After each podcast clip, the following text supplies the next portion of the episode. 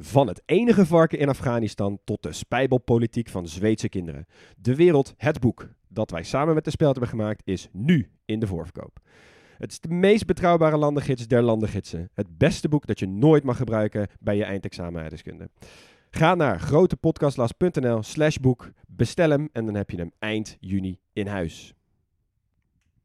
Laat me je voorstellen aan Pim Verlaan. Begin op een hele jonge leeftijd met beleggen. Die horizon die jij hebt, gaat zoveel voordeel opleveren. En Pim is een man met een missie. Iedereen veilig en verantwoord leren beleggen. Als je echt iets wil leren, leer het van iemand die één stapje vooruit loopt. Hij legt je uit op welke manieren je kan beleggen. Elke bank heeft eigenlijk zijn eigen beleggingsfonds. Ik hou daar helemaal niet van. Op welke manieren je beter kan beleggen. En hij rekent je voordeel op de euro nauwkeurig uit. 192.000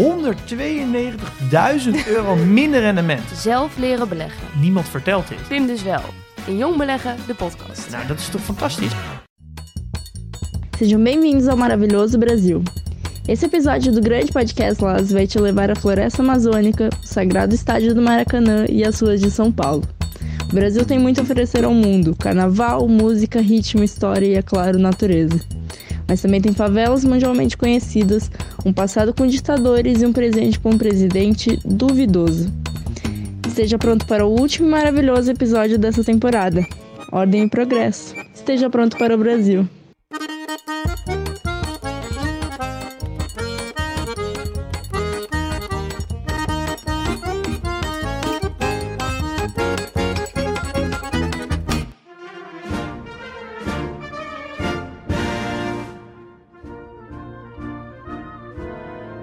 Temperament. Het swingende voetbal van de goddelijke Canaries. Tropische stranden. Levendige stranden. Christus de Verlosser op een berg. Samba, de Amazone, caipirinha's, het carnaval in Rio en misschien een favela hier of daar. Denk je aan Brazilië, dan denk je meteen aan die steekwoorden. Steekwoorden waar niemand aan twijfelt. Vraag het je buurvrouw en die noemt driekwart van deze lijst. Vraag het de coach van je sportteam en waarschijnlijk hetzelfde verhaal. Maar stel je voor dat je in een wereldstad bent en je reist per metro van hoogtepunt naar hoogtepunt. Je geniet van elke attractie, maar je krijgt eigenlijk geen gevoel bij de stad. Je loopt er niet rond, je verdwaalt er niet echt. Je leert er de weg niet kennen en je kunt de puntjes op de kaart niet met elkaar verbinden. Die puntjes op de kaart, dat zijn die steekwoorden die ik net noemde. En deze aflevering gaan wij een poging doen om deze voor jou te verbinden. Ja, want het is zoveel te vinden over Brazilië. Wat een land, hè. Ja. Ik had zin om deze aflevering gewoon zonder shirt in, in, in, het, in het zand op te nemen met een cocktail. Ja. Had je dat gevoel niet? Jazeker, met heerlijke muziek op de achtergrond. Zo'n feestland, hè. Sinds begonnen ben met deze research staat er ook standaard eh, muziek op uit Brazilië hier. Ja, dat zal ik En ik heb weer dat hoofdstukje, dus ik kan ook niet wachten om gewoon door te skippen naar, naar die. Ik heb me op mijn vakantie in eh, Frankrijk even mogen inlezen in Brazilië. Dus dat waren ook goede sferen om, eh, om Brazilië tot me te nemen. Lekker. Ja, veel zin in. Maar toch, jongens. Laatste landje. Ja, laatste landje van dit seizoen. Ja, Want eh, we gaan er eventjes tussenuit. En ja, dat is natuurlijk heel jammer voor, voor ons en voor jullie luisteraars. Maar we hebben wel een hele goede reden. Want, Max, wat staat er te gebeuren? Ja, ik word vader. Nou joh, Caramba. is Ja. dat mooi of is dat mooi? nou, gelukkig zien we dat al een tijdje aankomen. Dat is het mooie van zwangerschap. Maar eh, volgens mij een heel verdiende pitstop. Even kort tussendoor. Ehm, waarschijnlijk vier tot zes weekjes. Mag jij even ontzettend genieten van de eerste weken van het vaderschap. Hugo, jij bent al vader. Wat staat hem te wachten? Ja, heel veel leuke dingen. Oh, Ja. nou en een vrij vermoeide stem waarschijnlijk over anderhalve maand. Maar dat, eh, dat horen jullie te zijn de tijd wel. Dus Ja, maar even een kleine recap hoe het geweest is. Die Zo was ik er in eh, aflevering 1 ongeveer aan toe. Dus, eh, Als de, onze appgroep maar niet een verkapte babyfoto's appgroep wordt... dan maken jullie maar een ander appgroepje voor. nou, die hebben we al. Oké, mooi. Mooi. Nou, eh, we moeten wel een heleboel mensen bedanken deze keer weer. Dus we gaan even weer wat vrienden van de show noemen. Het is weer een hele lijst. We beginnen met Rivka van 12 en vader Jasper. Dominique, Jorn, Tom, Jeroen, Willem, Jeroen Plooy, Gabrielle van Vlodrop, Emily en Don. Simonetta Heinebach, Sanne, Jefferson Steelflex, Tom W. Marijke, Timo Hagers, Lonneke, Dirk van Wijn, Danny Roelofsen, Hedy, Birgit van der Vries en Harold. En dan ook nog Karim Ashour, Golan Efrati, Marijs Ome Chris, Alec Breunesse, Bram, Jim Leverink op Reining, Jordi Dam, Sven Bekenkamp, Marjolein, Vincent en A. Ja, gewoon de letter A. Ja, mag ook. mooi dat die ook bij de club is. Ja. Nee, maar serieus. Iedereen heel erg bedankt. Dit is echt heel fijn. Een En, behoorlijke eh, club eh, mensen geworden. Wie kan je een goed feestje Ja. mee geven, denk ik, met al deze mensen. Ja, nou, dit zorgt dat we dit kunnen maken en dat we dit ook kunnen blijven maken. echt want fantastisch. eh, echt seizoen 2 zal niet lang eh, op zich laten wachten dat we weer wekelijks terug zijn. Precies, daar hebben we super veel zin in. En ook in deze aflevering van Brazilië. Dus laten we maar niet te lang wachten, anders wordt het weer twee uur. Eh, jongens, de ligging. Het is met afstand het grootste land van Zuid-Amerika. Bijna alle Zuid-Amerikaanse landen grenzen ook aan Brazilië. Eh, en de vraag die je wist dat zou komen, jongens. Welke twee landen niet? Chili, Ecuador. Goed. Nou, dan gaan we meteen ook even door naar de oppervlakte. Want het is 203 keer zo groot als Nederland. Heel. Nog een quizvraagje voor jullie. Hoeveel procent van Zuid-Amerika is Brazilië? Oeh. Oeh. Eh, ik denk misschien wel eh, de helft. ja, ik zat ook in die kant. Ik denk iets minder dan de helft, 49. Oeh, het is 48 procent. Lekker mannen. Oké, dit hebben jullie toch wel goed. Aantal inwoners eh zal ik je niet vragen hoeveel, maar wel eventjes wanneer ze door de grens van 200 miljoen mensen heen gingen. Wat denken jullie? Eh, 15 jaar geleden? 10 jaar geleden. Het is Vorig inderdaad jaar. 2012. Ik kan niet anders zeggen, Leon. Oh, Leon is op dreef. Goed gewerkt. Jij mag, eh, je, hebt, je hebt ook al vakantie verdiend. Ja, dat is niet voor niets mijn Ze hebben nu lievelingscontent. 212 miljoen mensen. Pittig. Ja. Eh, en dan moet je natuurlijk wel een grote hoofdstad hebben. Eh, dat valt eigenlijk wel mee. 4,3 on- miljoen ongeveer in groot Brazilia. Dat is de hoofdstad. Maar je kent Brazilië waarschijnlijk vooral van de andere grote steden. Je hebt Sao Paulo, eh 21 miljoen mensen. Je hebt Rio de Janeiro. En dan ook natuurlijk heb je nog Belo Horizonte. eh dan pas Brasilia. Eh, je hebt Porto Alegre, je hebt Fortaleza, Salvador. Nou, hè, en dat Ja. zijn nog steeds steden van 3 miljoen mensen of zo. Ja. Dus het is echt wel een, een groot land wat dat betreft. Gaan we even door naar de religie. Eh 9 op de 10 mensen heeft een religie en die zijn bijna allemaal christelijk. De meeste mensen zijn katholiek daarvan. Maar vijfde van de inwoners is ook wel protestant. En dat maakt het meteen de derde gemeenschap ter wereld qua protestanten. Ja, wow. Zo'n land heb je het hier. Ja. Oh, ja. Wie zijn de twee daarboven? Verenigde Staten? Goed? ja. En Biertje als je deze raadt. eh, Australië? Nee, het is Nigeria. Oh. Ja. Oké. En eh, wel mooi, China is meteen nummer 5. 3% van de bevolking.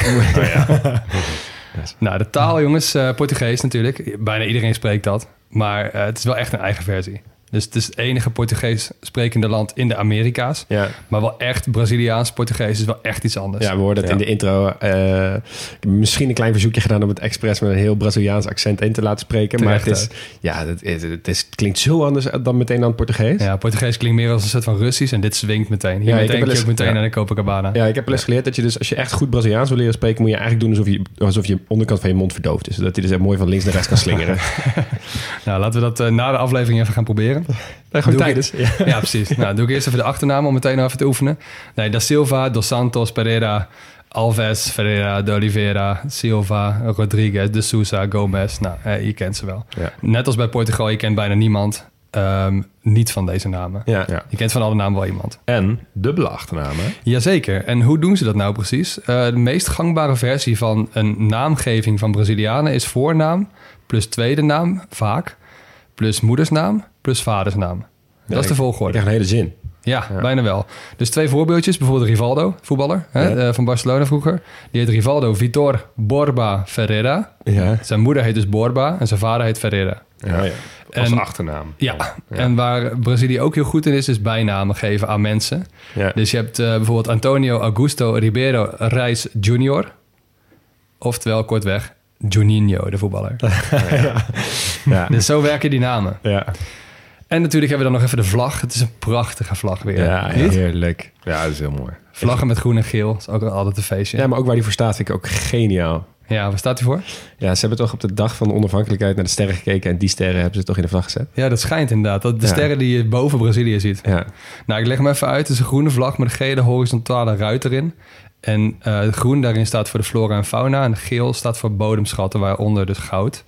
En in die gele ruit staat dus inderdaad, hè, Leon, wat je zei, die blauw met witte wereldbol. Eh, met daarin dus weer een witte bal, band. En daarop staat Ordem e Progresso. Ja. Dus orde en vooruitgang. Het nationale motto. Ja. Vet. Dat motto is wel gebruikt als eh, rechtvaardiging van autocratische, oligarchische regimes in, eh, in Latijns-Amerika rond 1900. Dus ook in Brazilië. Om de vooruitgang eigenlijk een zetje te geven. Gaan we Ja, later wel even bij stilstaan.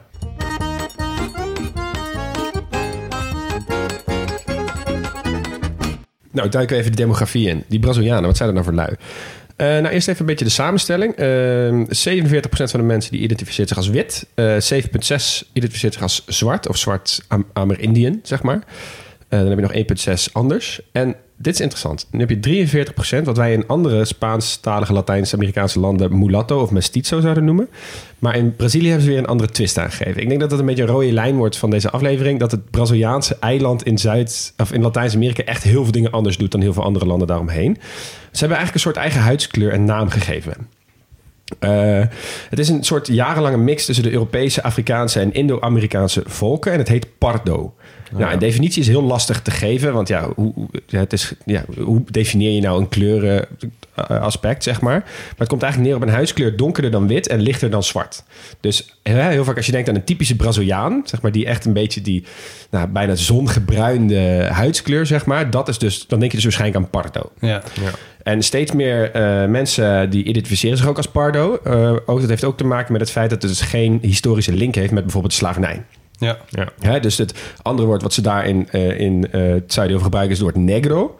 En dat is dus een hele duidelijke slavernijlading. Dus die term laat ze steeds vaker achter zich. Ja. Ze gebruiken wel gewoon nog zwart en eh, Afro-Braziliaans gebruiken ze daar ook veel. Ik voel elke keer echt een beetje de behoefte om al die voetballers af te gaan. En ik van, oeh, waar zou jij bij horen? ja, ja. Nou, Brazilië is van oudsher een groot ontvanger van immigranten. Ehm, natuurlijk heel veel eh, slavernijhandel geweest daar ook. Eh zullen we het misschien straks nog even over hebben. Ehm, maar op een gegeven moment toen hebben ze dus de slavernij verboden. Rond 1880 ongeveer. Eh, maar er was heel veel landbouw en er, was ook, er werd heel veel gedaan op het land. En wat hebben ze toen gedaan? Ze hebben gewoon internationaal uitgezet. Oké, luister, kom naar ons land. Wij hebben vet veel voor jullie. En vervolgens wat er gebeurde... eerst kwamen de eerste generatie Italianen, Portugezen, Spanjaarden en Duitsers. Nou, dat zie je nog steeds heel erg in de namen. We gaan heel veel mensen deze aflevering bespreken... die allemaal dat soort namen hebben. Ja. Presidenten, maar voetballers, maar ook eh, acteurs. Heel veel lui met echt gekke Ja. achternamen. En wat we bijvoorbeeld in, eh, in Duitsland zagen, dat Gisele Bündchen eentje is. Precies, Ja. ja. Gisele, Gisele Bündchen is inderdaad een Braziliaanse. Nou, en daarna kwamen er veel Aziaten langs eh, om de landbouw te werken, met name de koffieteelt. En nu komen er heel veel mensen uit andere Andeslanden, hè, dus Peru, Ecuador, Bolivia. Ehm, Ik las ook dat het de, de grootste Japanse dat is inderdaad waar. minderheid heeft. Nou, dat is dus een grappig verhaal. Toen eh die Japanners dus kwamen, in die tweede golf ongeveer, eh, die kwamen bijna allemaal uit Okinawa. Omdat de Okinawa's bevolking werd heel erg gediscrimineerd in Japan. hè. Die werden een beetje weggedrukt, hebben een eigen taal, een hele eigen cultuur. En die Japanse nationalisme kwam toen een beetje op. Zullen we het in Japan ongetwijfeld heel veel over hebben. En die kwamen er toen achter, oh wacht, in Brazilië zijn we wel gewild. Dus die zijn toen best wel massaal die kant op getrokken. En uiteindelijk kwamen ze daar al vrij snel achter dat als zij in plaats van gingen werken op het land, die tent gingen runnen, dat ze veel meer geld zouden verdienen. Dus die Japanners, hè, inventief als ze zijn, haalden allemaal groenten en allemaal andere dingen uit Japan. En hebben eigenlijk een eigen stukje Okinawa daar gecreëerd in eh, Brazilië. En ze spreken daar dus ook, ook in Okinawaans, wat wat een tongbreker. Eh, een taal die dus in Japan bijna niet meer gesproken wordt en zelfs op de UNESCO bedreigde talenlijst Hey, staat. Oh, oké. wow. Ja, en dus de grootste groep Japanners buiten Japan woont dus in Brazilië. Ja. Het is ook zo'n gekke mix Ja, dat je dan echt. denkt, Dat hè, hoe verwacht kom je je daarbij? echt niet. Nee. Er zit ook niks koloniaals achter. Nee. Nee. Nou, ehm, dan een misschien iets minder leuk verhaal. Want huidskleur en etnische achtergrond... het is al heel lang een eh, kwestie van, eh, van problemen in, eh, in Brazilië. Eh, Brazilianen met een donkere huidskleur is veel vaker een eh, arm in het land. Loopt ook heel vaak achter in de, in de samenleving. Wordt heel vaak racistisch gemotiveerd geweld tegen gepleegd. Ehm, en het is, je kan het op best wel wat manieren ook best wel vergelijken met wat er in Amerika is gebeurd. Eh, het zijn allebei federale staten, allebei best wel veel racisme, dus tegen, eh, tegen zwarte bevolking. Ehm, en dat komt eigenlijk voornamelijk door systemen die uit het verleden zo zijn geïnstalleerd. Ja, en tegenwoordig lopen dus daardoor Afro-Brazilianen sociaal-economisch achter. Vicieuze cirkel is daardoor ontstaan van steeds meer discriminatie en achterstalligheid. Ja. En dat, dat uit zich eigenlijk het allerverschrikkelijkst bij het politiegeweld. Want in Brazilië, politiegeweld is het na hoogst van de hele wereld. Hm. Dus alleen al in 2019 doden Braziliaanse agenten 6357 mensen in één jaar. En alleen in Rio al 1814 mensen. Eh, en dat is bijna twee keer zoveel als dat er mensen in de VS de politie eh, werden vermoord. Eh, en dan mogen jullie raden welk land staat hier op nummer 1 met politiegeweld? Dat is ook pas een recente ontwikkeling van de bevolking? Nee, in totaal. Dat heeft te maken met een recente... eh, s- recent, vijf, zes jaar geleden is daar een president aan de macht gekomen... die iets met politie Ah, over Ja, politie. ik zou haar de- Filipijnen inderdaad. Ik Ja, bijna de. Verenigde Staten zeggen, maar eh, dat is heel goed van jou. Nee, en acht van de tien Brazilianen die door de politie zijn vermoord zijn dus zwart. Hm. Dus dan, hè, je kan bedenken wat dat doet met zo'n eh, met zo'n groep. Hm. Nou, dan nog even één iets waar ook heel veel mensen de bevolking van Brazilië van kennen. Namelijk de zogenaamde ongecontacteerde stammen. Oh ja. Brazilië heeft de meeste onge- ongecontacteerde stammen van de wereld. En die leven natuurlijk allemaal diep in de Amazone. Ergens tussen de 77 en 84 stammen volgens eh, National Geographic. En ze leven bijna allemaal op de grens tussen Bolivia, Peru en Brazilië. Dus echt het diepe, Hmm. diepe, diepe Amazone gedeelte. Ehm, nou, de namen zal ik jullie achterwege laten. Die zijn, eh, eh, er, zijn, er zijn er heel veel, maar sommigen hebben dus niet eens een eigen naam. Dat weten ze niet. Of die hebben ze nooit dus ontdekt. Zo ongecontacteerd zijn dit. Eh, en daardoor worden er in Brazilië dus ook meteen 160 talen gesproken. Schatting, omdat ze dus ook Ja. niet weten precies van die lui. Eh, ze hebben vaak contact afgewezen, eh, omdat ze dus regelmatig in het verleden dus al met geweld zijn overtroffen door houthakkers en eh, veehouders. En ze hebben dus nu ook op verschillende plekken borden gevonden met een lokale taal, met kruisen erop van, joh, wegwezen hier, oh, wij wonen Ja. hier. En iedereen kent natuurlijk ook die foto's van als ze dan zo'n helikopter of, of een vliegtuig overvliegt, dat ze dan met z'n allen naar boven kijken, weet je wel. ja, ja, ja. Ja. Nou, en in Brazilië zijn ze er dus de afgelopen jaren, of eigenlijk al best wel lang, al best wel goed mee bezig om te kijken, oké, hoe kunnen we die stammen nou echt beschermen? Dus je hebt dus de Servicio de Protejao Andil, oftewel de SP, SPI. En dat was het, een overheidsorgaan dat overtuiging had dat de inheemse mensen in hun eigen tempo moesten kunnen ontwikkelen. Dus dan konden ze beschermen voor alle mensen van buitenaf. Maar ja, weer een andere eh, boosdoener... die waarschijnlijk ook wel vaak over zullen praten in deze aflevering... heeft dat dus weer allemaal weggehaald. Want Bolsonaro heeft ervoor gezorgd... dat is de huis- huidige president... die heeft het hele ministerie zwaar verzwakt... en die heeft het vanaf het ministerie van Justitie... naar het ministerie van Gezin verhuisd... en daardoor eigenlijk heel veel rechten weggenomen... van de inheemse Mm. bevolking. Ehm, en hij heeft zelfs erbij gequote... Het is jammer dat de Braziliaanse cavalerie niet zo efficiënt is geweest... als de Amerikanen... die de Indianen hebben uitgeroeid. Nou, dat racisme is echt idioot. Ehm, maar gelukkig zijn er in Brazilië heel veel mensen actief... die die stammen ook nog echt willen beschermen. En die zijn dus ook nog steeds heel actief, ook in de, in de politiek. Nou, dan wil ik even eindigen met nog iets moois. Volgens een onderzoek uit 2014 is het percentage volwassenen... dat minstens één keer seks per week heeft 82 procent. En hiermee staan ze tweede op de wereldranglijst. Oh, lekker. Wie staat er op één, denken jullie? Poeh. Dus wie heeft er meeste seks van alle landen ter wereld volgens dit onderzoek? Ik, ik hoop ergens Colombia. Ik denk Japan. Het is Griekenland. oh ja? joh. Ja, ja. Had ik je niet gegeven. Nou, bij deze. Mooi. Nou, van Griekenland gaan we even een klein stukje naar het westen. eh, gaan we naar Portugal. Want in Portugal, daar voeren op een gegeven moment eh, Portugese schepen weg om de wereld te verkennen. En rond 1500 eh, werd de eh, ontdekking van Brazilië toegeschreven aan de Portugese edelman Pedro Álvares Cabral. En die was eh, naar het zuidwesten aan het varen en die voer langs Senegal. En die voer te lang rechtdoor. En toen heel lang rechtdoor. En toen kwam hij bij Brazilië. Nieuw landje ontdekt. Dus die Portugezen die claimden stukken, maar die deden er eigenlijk niet zoveel mee. Ze vonden daar geen kostbare grondstoffen. Maar dat veranderde eigenlijk toen de hele wereld ehm, in de loop van de 16e eeuw in de ban raakte van suiker. Toen, was het, toen werd het ineens een heel populair deel. Maar wat deden die Portugezen altijd? Ze bleven alleen maar aan de kust. Dus dat deel is nu nog steeds ook het meest dicht bevolkt. Ja. Ehm, dieper Ja. kwamen ze eigenlijk niet. Dat stuk waar ze kwamen was trouwens ten oosten van de lijn van dat verdrag van Tordes- Tordesillas. Ja. Eh, wat we in Portugal bespraken hebben. Hugo, je hebt dat goed uitgelegd. Eh, er gaat een rechte streep door Brazilië heen. Het oostelijke deel ehm, was voor mm, nou, de Portugezen... en alles ten westen daarvan was voor de Spanjaarden. Ja. Dus de Portugezen mochten daar ehm, hun gang gaan... en die hadden geen last van de Spanjaarden. En toen kwam er een andere kaper op de kust. En nu gaan we even naar een totaal onbekend hoofdstukje... uit de vaderlandse geschiedenis. Ik quote even hoogleraar Michiel van Groesen. En die zegt... als ik de straat op ga en ik vraag mensen naar Nederlands-Brazilië... dan zullen 99 van de 100 mensen me stom verbaasd aankijken. Ja. Want ja, wij hebben gewoon 24 jaar lang Nederlands-Brazilië gehad. ja, bizar. Ja, ik wist dit wel, maar ik kwam hier pas echt een paar jaar geleden achter of Ja. zo. Ja. Nooit ergens in geschiedenisboeken of Nee. zo. Nou, het hele noordoostelijke stuk van Brazilië was dus van 1630 tot 1654 wel degelijk Nederlands. Die hebben het dus ook veroverd op de Portugezen. Sterker nog, het heette Nieuw-Holland. En ehm, de mis- miljoenenstad Recife, eh, helemaal aan het oostelijke puntje van, eh, van Brazilië, was toen ook de hoofdstad en heette gewoon Mauritsstad. Echt? Ja, Oké, cool. dat wist ik niet. Ja. Maar wat wel interessant is, eh, in de berichtgeving over Nederlands-Brazilië werd destijds één thema vakkundig gemeden. En dat was de slavenhandel. Ja, ja. Want de suikerplantage, die, daar wa- waren mensen voor nodig. En de slavernij was wel een heel efficiënt middel. Maar in tegenstelling tot wa- wat, wat veel mensen denken... was het toen in Nederland absoluut nog niet sociaal geaccepteerd. Dat kwam allemaal veel later pas. Ja. Dus de opbrengsten stegen en toen zijn ze het toch maar gaan doen. En uiteindelijk, hè, met zoveel geld, zijn mensen uiteindelijk akkoord gegaan. Ja. Mm. Maar ook in Nederland heeft dat heel erg moeten groeien, dat idee. Nou, het gekke was dat die kolonie in Nederland heel impopulair was. Ehm, je kon er wel veel geld verdienen, maar dat was in die tijd wel op meer plekken zo. En er waren gigantische misstanden. Ehm, en daar werd heel kritisch over geschreven door de kranten in Nederland. Hm. En het werd pas echt heel erg in 1645, toen de Portugezen die er nog woonden in opstand kwamen. En toen moest er ook nog een dure strijd geleverd worden. En daar hadden de Nederlanders natuurlijk helemaal geen zin in.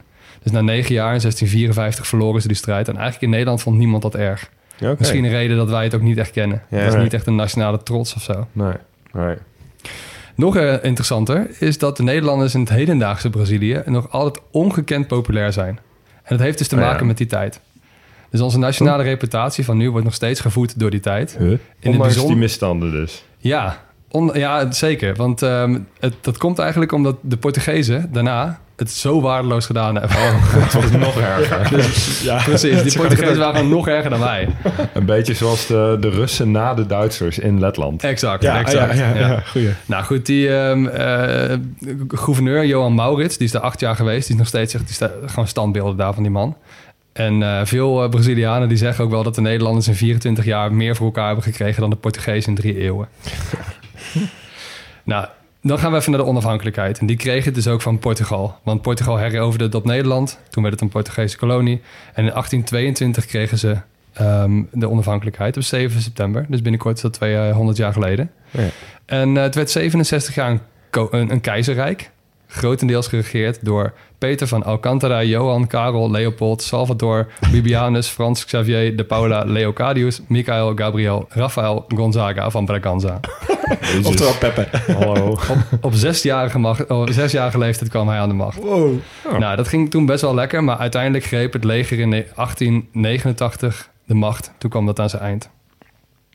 Nou, wat toen ook aan zijn eind kwam, Leon, je stipt het al even aan, was de slavernij. Ja. En Brazilië was het laatste land in de westerse wereld dat de slavernij afschafte. En op echt bizarre schaal. Het gaat echt eh, tegen de 4 of 5 miljoen tot slaaf gemaakt in Brazilië. Ja. Ja. En veel van die slaven die vluchten ook. Is wel even interessant. Ehm, en die stichten regelmatig een eigen gemeenschap. Ja, dat is natuurlijk een supergroot land. Een quilombo noemen ze dat. En ehm, ik noem er even eentje, de Quilombo dos Palmares. Daar woonden duizenden mensen. En het heeft 60 jaar geduurd voordat de Portugezen het lukte om dat weer af te breken. Nou joh. Dus dat heeft, die, die hebben allemaal, al, die tijd hebben die bestaan naast de koloniale tijd in, eh, in Portugal. Hm? Ja. Nou, het feit is wel dat elk decennium dat de slavernij langer bleef bestaan, eh raakte racisme dus dieper ingesleten in de samenleving. En ik, ja, goed, eh, als je zo'n geïnstitutionaliseerde ongelijkheid hebt als de slavernij, Ja. ehm, en dat blijft zo lang bestaan, en die groepen, die zijn allemaal best wel substantieel, Ja. dan wordt het alleen maar moeilijker. Ja. Er is niet één kleine groep die, die het voor het zeggen heeft, Ja, die op een gegeven moment vlucht. ja. ja, en wat ook, Parallel met Zuid-Afrika is ook Ja, niet zo gek. nee. ja, en wat ook niet heel erg heeft geholpen, ik weet niet of je dat nog wilde zeggen, was dat die, die jacht op rubber. Hmm. Heb je daar nog iets over of niet? Jazeker, want ehm, dat was eigenlijk, kwam dat vooral in de eind 19e eeuw, begin 20e eeuw. Ja. Toen ehm, eh, werd er steeds meer land inwaarts gewerkt om echt gewoon... eh, het was een soort goudkoorts die er was. Ja. Mensen vestigden zich overal steeds dieper een beetje in het, in het land. En gingen dus op zoek naar ehm, economische, nou ja, boom, zeg maar, economische expansie. Ja. Ja. En die tijd was eigenlijk een militaire dictatuur... waarin de oligarchieën echt hoogtij vierden. Dus je had de rubber natuurlijk, maar je had ook koffie, suiker, katoen. Dat, was echt, dat waren allemaal van die sectoren die staatsgestuurd werden. Maar de overheid gaf dat eigenlijk weg aan een soort oligarchie. Waardoor er een middenklasse ontstond die eigenlijk zo erg ontevreden was, als hij er al was. Dat Ja. die, die begon Ja. steeds meer te muiten. Ja.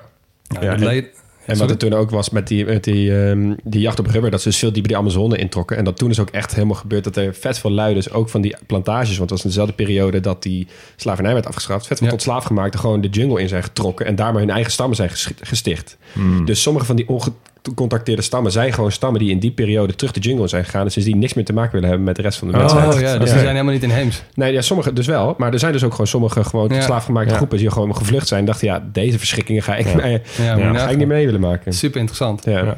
Nou, uiteindelijk leidde dat wel in 1930 tot een revolutie. En de populist Getúlio Vargas die kwam aan de macht. En die had eigenlijk meer oog voor sociale zekerheid, voor vakbonden. Hm. Hij industrialiseerde Brazilië heel snel, eh, maar hij werd ook wel steeds autocratischer. Ik heb het over 1930. Dus de Goeie parallel, aangezien hij ook... Een, hij was heel nationalistisch. En een beetje bevond zich tussen marxisme en kapitalisme in, werd er al snel getrokken met het fascisme van Mussolini bijvoorbeeld. Ja, ja, ja. Maar daar wilde hij absoluut ni- niks mee te maken hebben. Dat moet even gezegd. Eh, Hitler en Mussolini wilden er hem in de oorlogen ook graag bij hebben. Of in de. Tweede Wereldoorlog. Ja. Maar daar heeft hij echt voor bedankt. En hij heeft gezegd, joh, zo ben ik niet. Dus Ja. dat moet even gezegd. Ehm, na Vargas kwam er iemand aan wie ik niet heel veel tijd ga ehm vuil maken. Maar die heette Juscelino eh Kubitschek. Had een Tsjechische moeder. En ehm, wat ik wel even moet noemen is dat hij degene is die bedacht dat Brazilië een nieuwe hoofdstad nodig had. Ah, oké. Dus Ja. hij heeft in de jaren 50 heeft hij, eh, Brasilia laten maken. Eh, volgens typisch model hè, van de maakbaarheid van de samenleving. Misschien laten we er wel even over hebben. Ehm, maar dat is rond die tijd ontstaan. Ja. Nou, in de jaren 60 kwam Brazilië steeds meer onder leiding van ehm João, de eerste João, jongens. Ja, wow, nu pas. De João Goulart in, eh, in linkse sferen. En toen werd ook gevreesd dat Brazilië een soort tweede Cuba zou worden.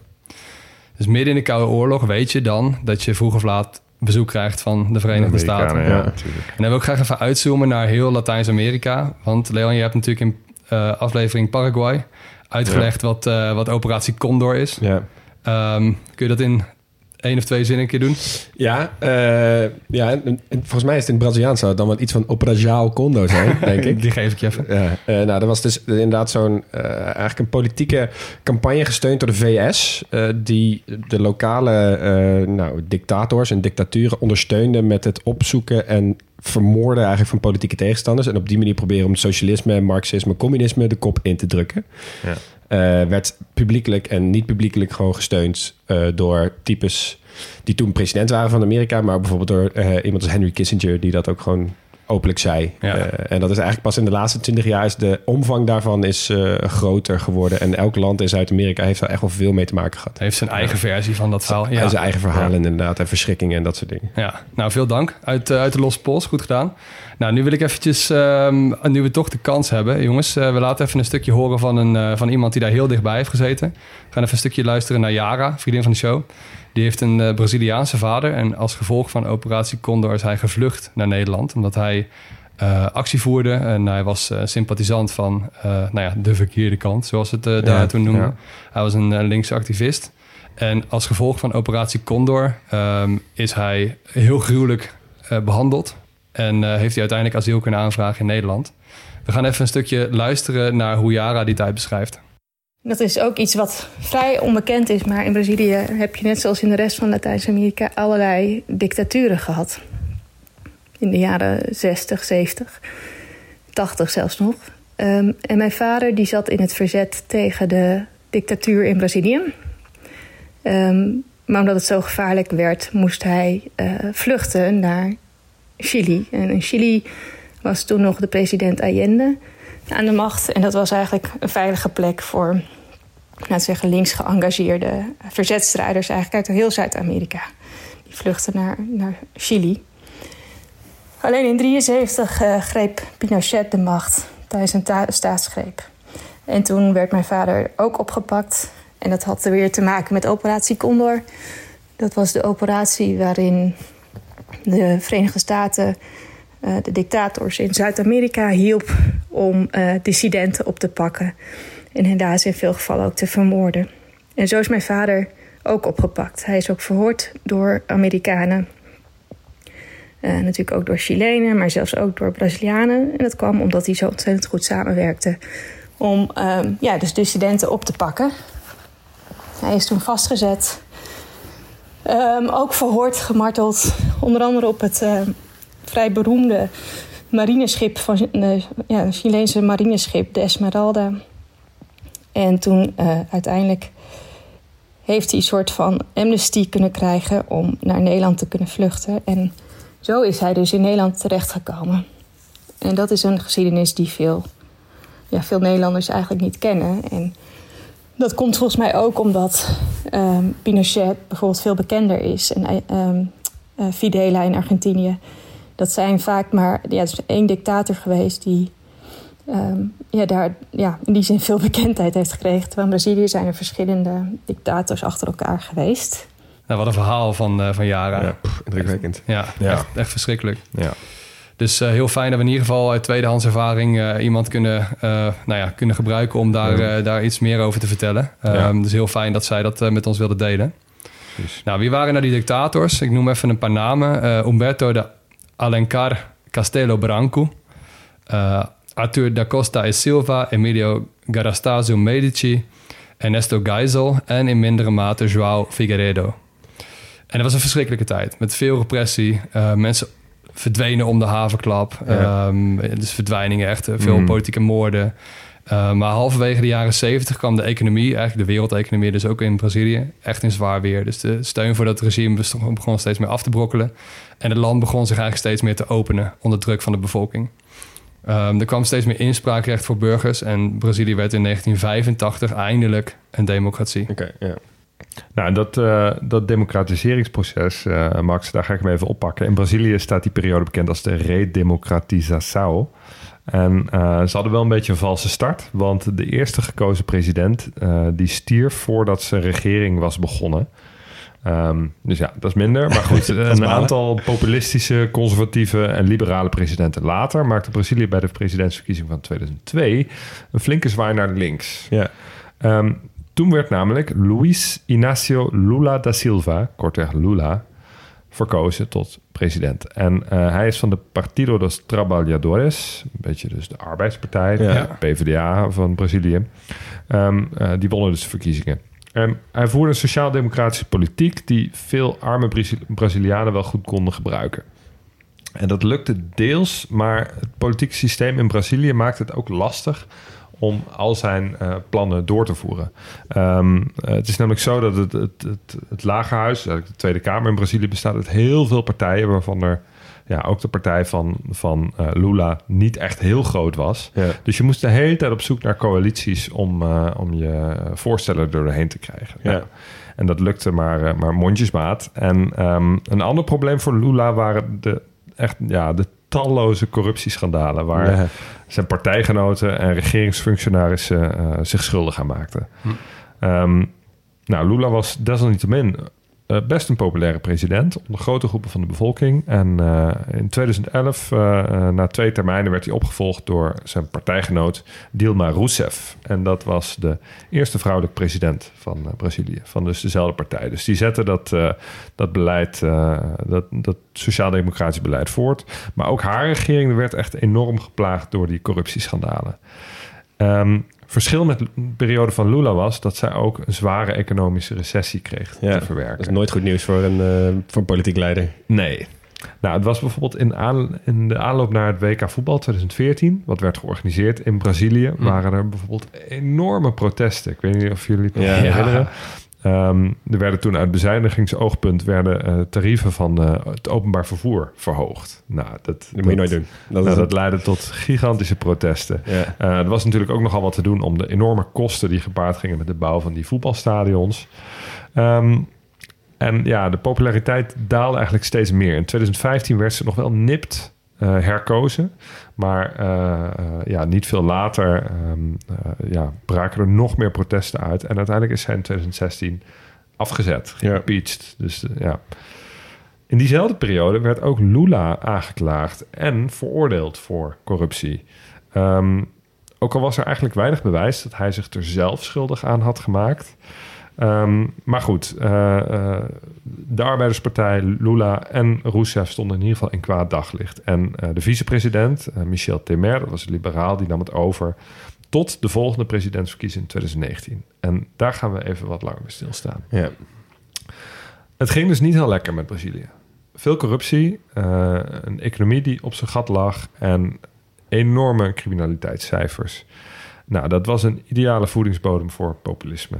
En uh, de populisme-dienst was, je noemde hem al, Jair Bolsonaro. Ja. En het is eigenlijk heel makkelijk uit te leggen wie Jair Bolsonaro is en wat voor idealen hij heeft. Want het is echt in alle opzichten een kopie van Donald Trump. Ja, ze noemen toch ook altijd de tropische Trump. De tropische Trump wordt hij inderdaad genoemd. Uh, en misschien is, is Bolsonaro nog wel de overtreffende trap. Um, hij is aanhanger van ja, klassieke conservatieve ideologie, uh, zoals lage belastingen, ook voor grote bedrijven, um, een harde aanpak van criminaliteit. Maar hij combineert het ook met echte extreemrechtse opvattingen. Hij is openlijk racistisch.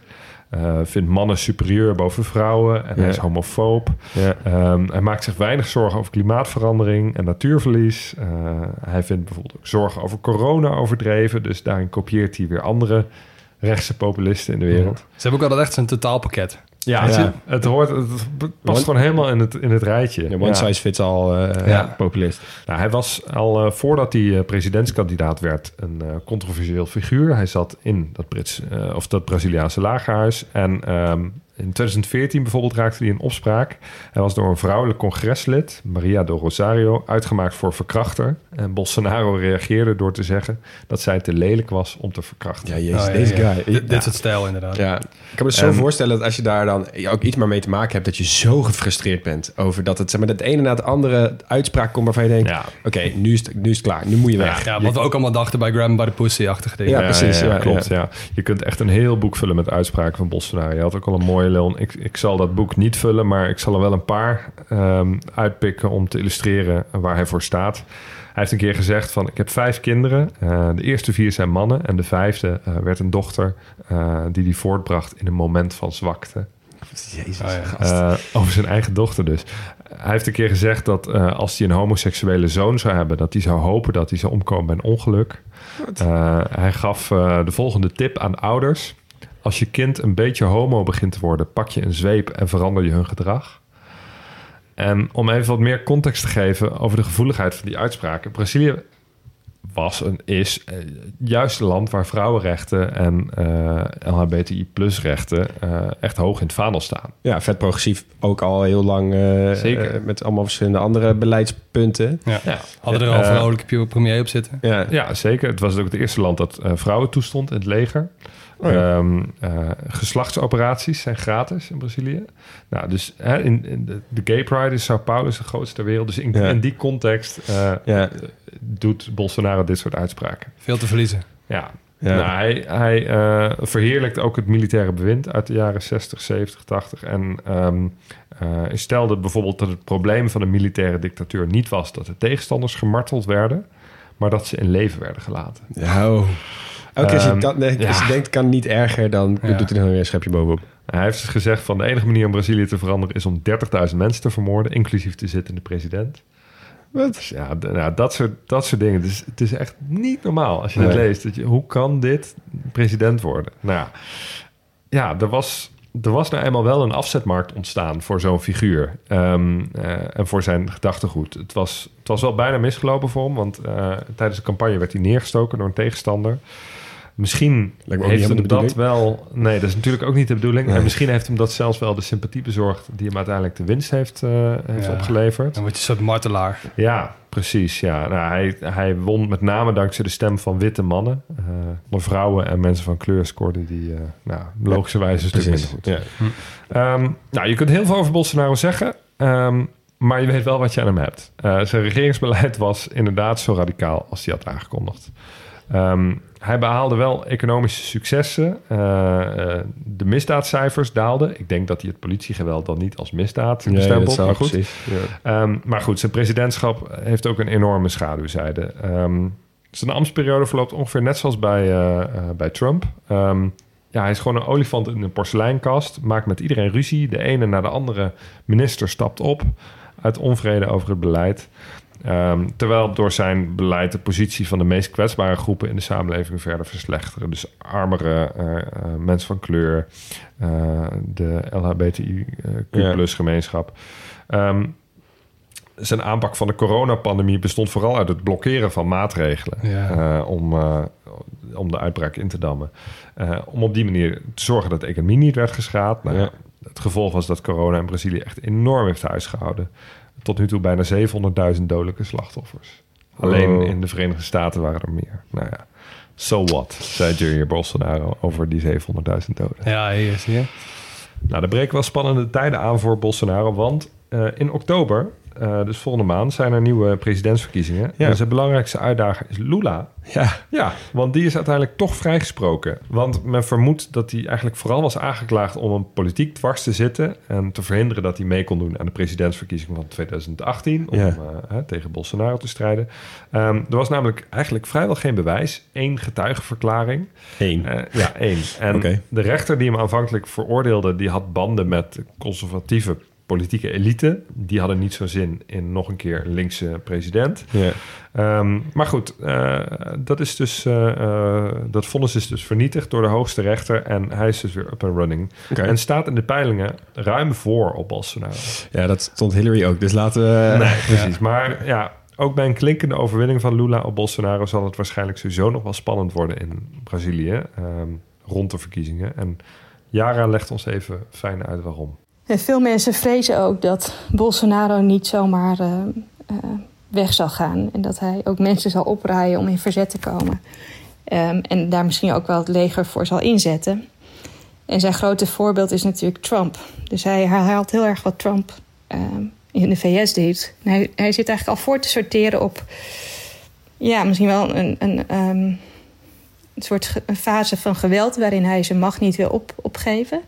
Hij... ehm, uh, hij zegt nu al dat bijvoorbeeld verkiezings, verkiezingen fraude zou zijn, dat de, de elektronische stemcomputers niet werken, dat dat allemaal fraude is. Dus eigenlijk nee, bijna copy-paste van wat Trump zegt. En er zijn natuurlijk ook al, incidenten geweest tussen uh, uh, Bolsonaro-aanhangers en uh, um, de PT, dus dat is de andere partij, of de partij, de partij van Lula, de Arbeiderspartij. Niet zo lang geleden is er zelfs um, een of nee, een, een Bolsonaro-aanhanger een, een bijeenkomst van PT-aanhangers binnengekomen en heeft een van die politici neergeschoten. Dus je ziet dat het geweld best wel aan het escaleren is. Um, ja, dus veel Brazilianen houden hun hart vast over wat, wat gaat komen. Maar goed, het kan ook iets positiefs brengen. Ja, dat is natuurlijk uh, zo'n doembeeld wat je schetst, wat Jara schetst. Dat is het laatste wat je wil. Dat er een soort militaire, ja. of een greep wordt gedaan richting een militaire dictatuur. Om maar ervoor te zorgen dat uh, democratische ja. overwinning wordt gedwarsboomd. Ja. Ja. Laten we hopen dat het niet die kant op gaat in ieder geval. Nee, ik ga het wel met spanning volgen. Ja, we zijn natuurlijk niet de podcast met, uh, met de grootste ideologische grondslag. Maar hier is toch wel een beetje fingers crossed. Uh, ja, ja, inderdaad.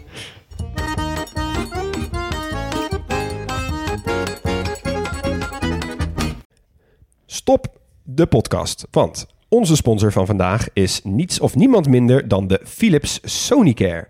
Jazeker, de elektrische tandenborstel van Philips. Maar wel eentje die er poetst en ook zo uitziet.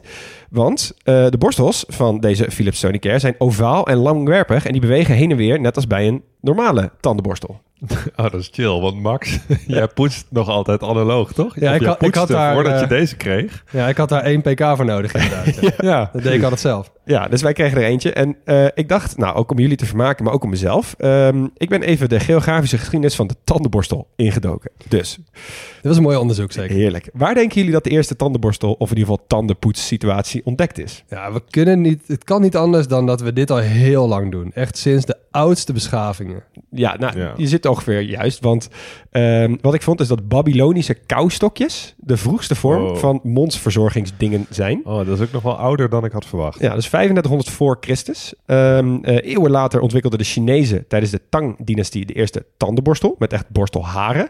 Uh, en die innovatie die heeft Europa bereikt via de zijderoute, dus de klassieke variant, en werd uiteindelijk in Frankrijk gespot rond het jaar 1560. Dan skippen we even vooruit naar um, de Brit William Addis. Want die zat in 1770 in de cel. En die zag een gevangenisbewaarder met zijn bezem de grond schrobben. En die dacht, hé, hey, wacht eens even. Dit kan je ook met je mond doen. Dus uh, hij heeft toen een uh, borstel gemaakt door varkensharen aan een bot te bevestigen. En toen hij vrijkwam, is dit de eerste tandenborstel die massaal werd geproduceerd en algemeen beschikbaar was voor meer mensen. Dus hij wordt een beetje gezien als de vader van de tandenborstel zoals wij die kennen. Shout-out William Addis. ja. En nu hebben wij hier wat door tandheelkundige professionals over heel de wereld wordt aangemerkt als het meest aanbevolen Sonische tandenborstelmerk, namelijk die Philips Sonicare. En de lieve mensen van Philips hebben ons er eentje opgestuurd, dus ik ben vooral benieuwd. Max, wat vind je ervan? Ja, mijn leven zal nooit meer hetzelfde zijn. ja.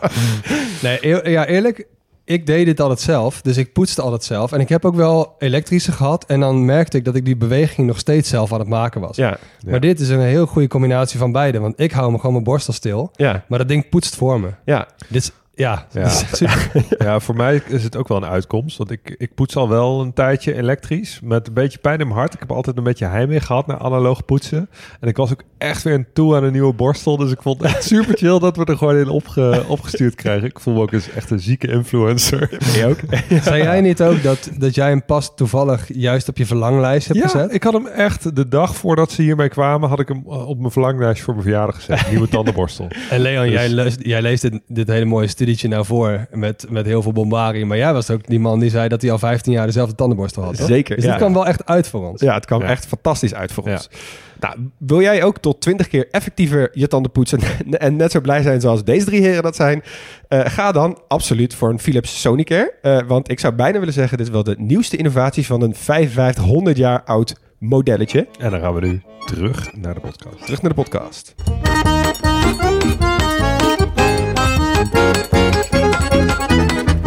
Nou jongens, de fysiogeografie van Brazil. Ja, een feestje is dit.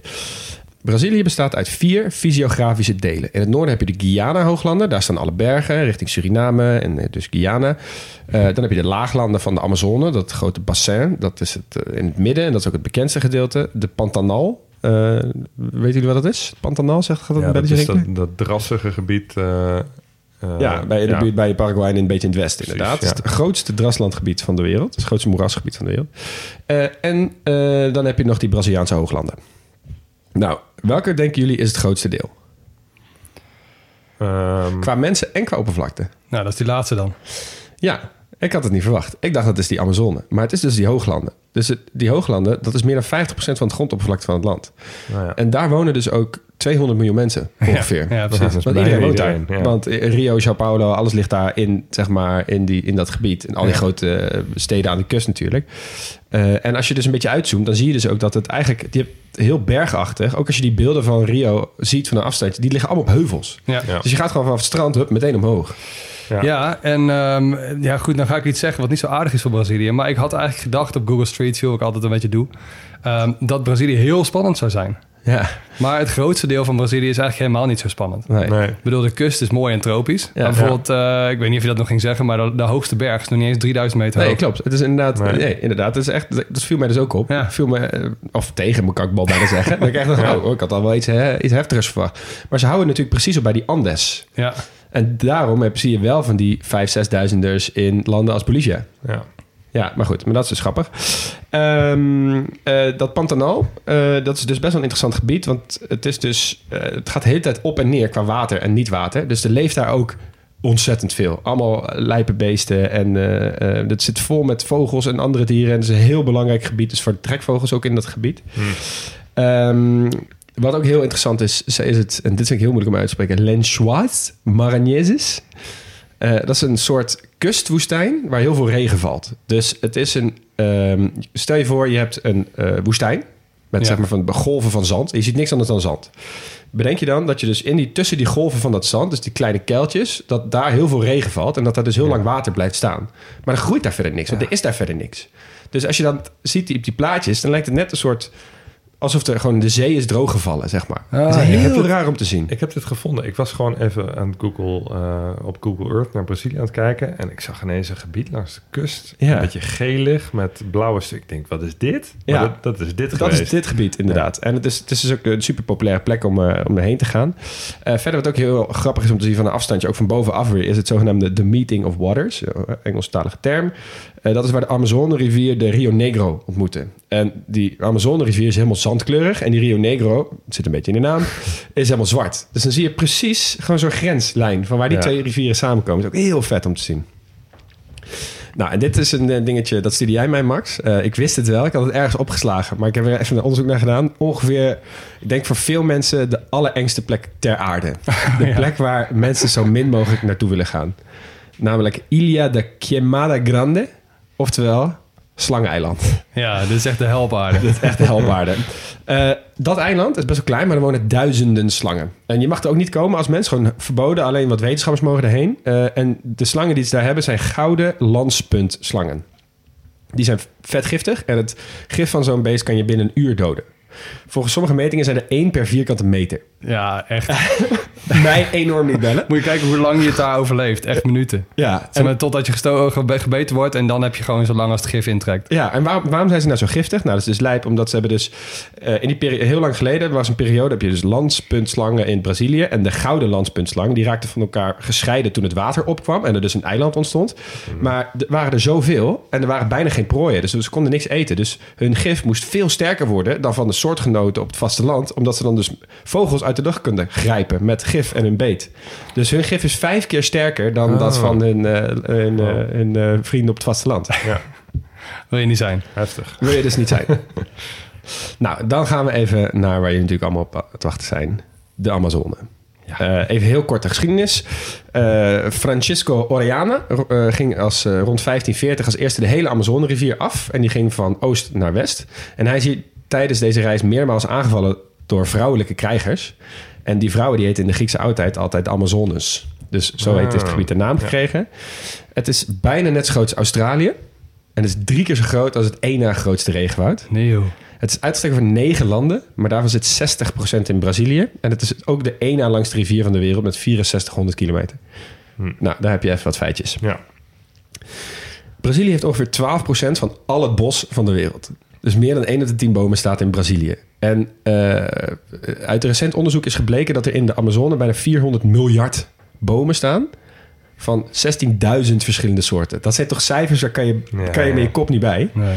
Eh, en die bomen die zijn dus ook veel belangrijk voor het opnemen van CO2 dan bijvoorbeeld de, de, in bossen in heel veel andere landen. En je hebt Ja. ook heel veel verschillende soorten dus. Eh, even kort quizje. Top, eh, laten we doen top 3 van, nee, doen top, top 5. Landen met de meeste bomen. Canada. In totaal. Ja. Rusland, Rusland, ja. Canada niet? Canada ook. Oké. Ja, en dan Verenigde Staten, Verenigde Staten en tenslotte Zweden, China. China. Nou ja. Ja. Nou, dan heb ik nog een eh, ander grappig feitje voor je waar je ook de kroeg in mee kan gaan. Succes met dat tellen trouwens. Ja, inderdaad. Dat, is- ja, NASA heeft daar denk ik nog wel wat, eh. Ja, wat leuks eh, mee te doen.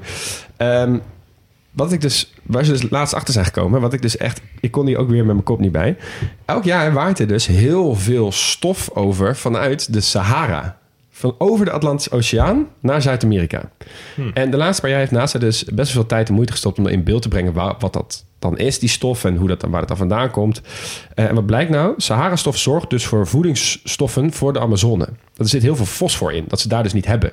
En elk jaar landt er zo 22.000 ton fosfor in het Amazonegebied vanuit Ah, de. Sahara, over de Atlantische Gewoon een Oceaan. soort mest. Ja, zo'n soort mest. En er is dus nog veel meer stof, wat helemaal ook nog zelfs richting de grote oceaan gaat. Dus moet je nagaan als je de wereld uitzoomt, hoeveel dat met elkaar allemaal in contact is en zo de hele tijd. Ja, echt nou, eh, fantastisch. Ehm, dan ga ik nog even een snel lijstje maken van fantastische beestjes die ze daar hebben. Ja, want dat zijn er veel, hè?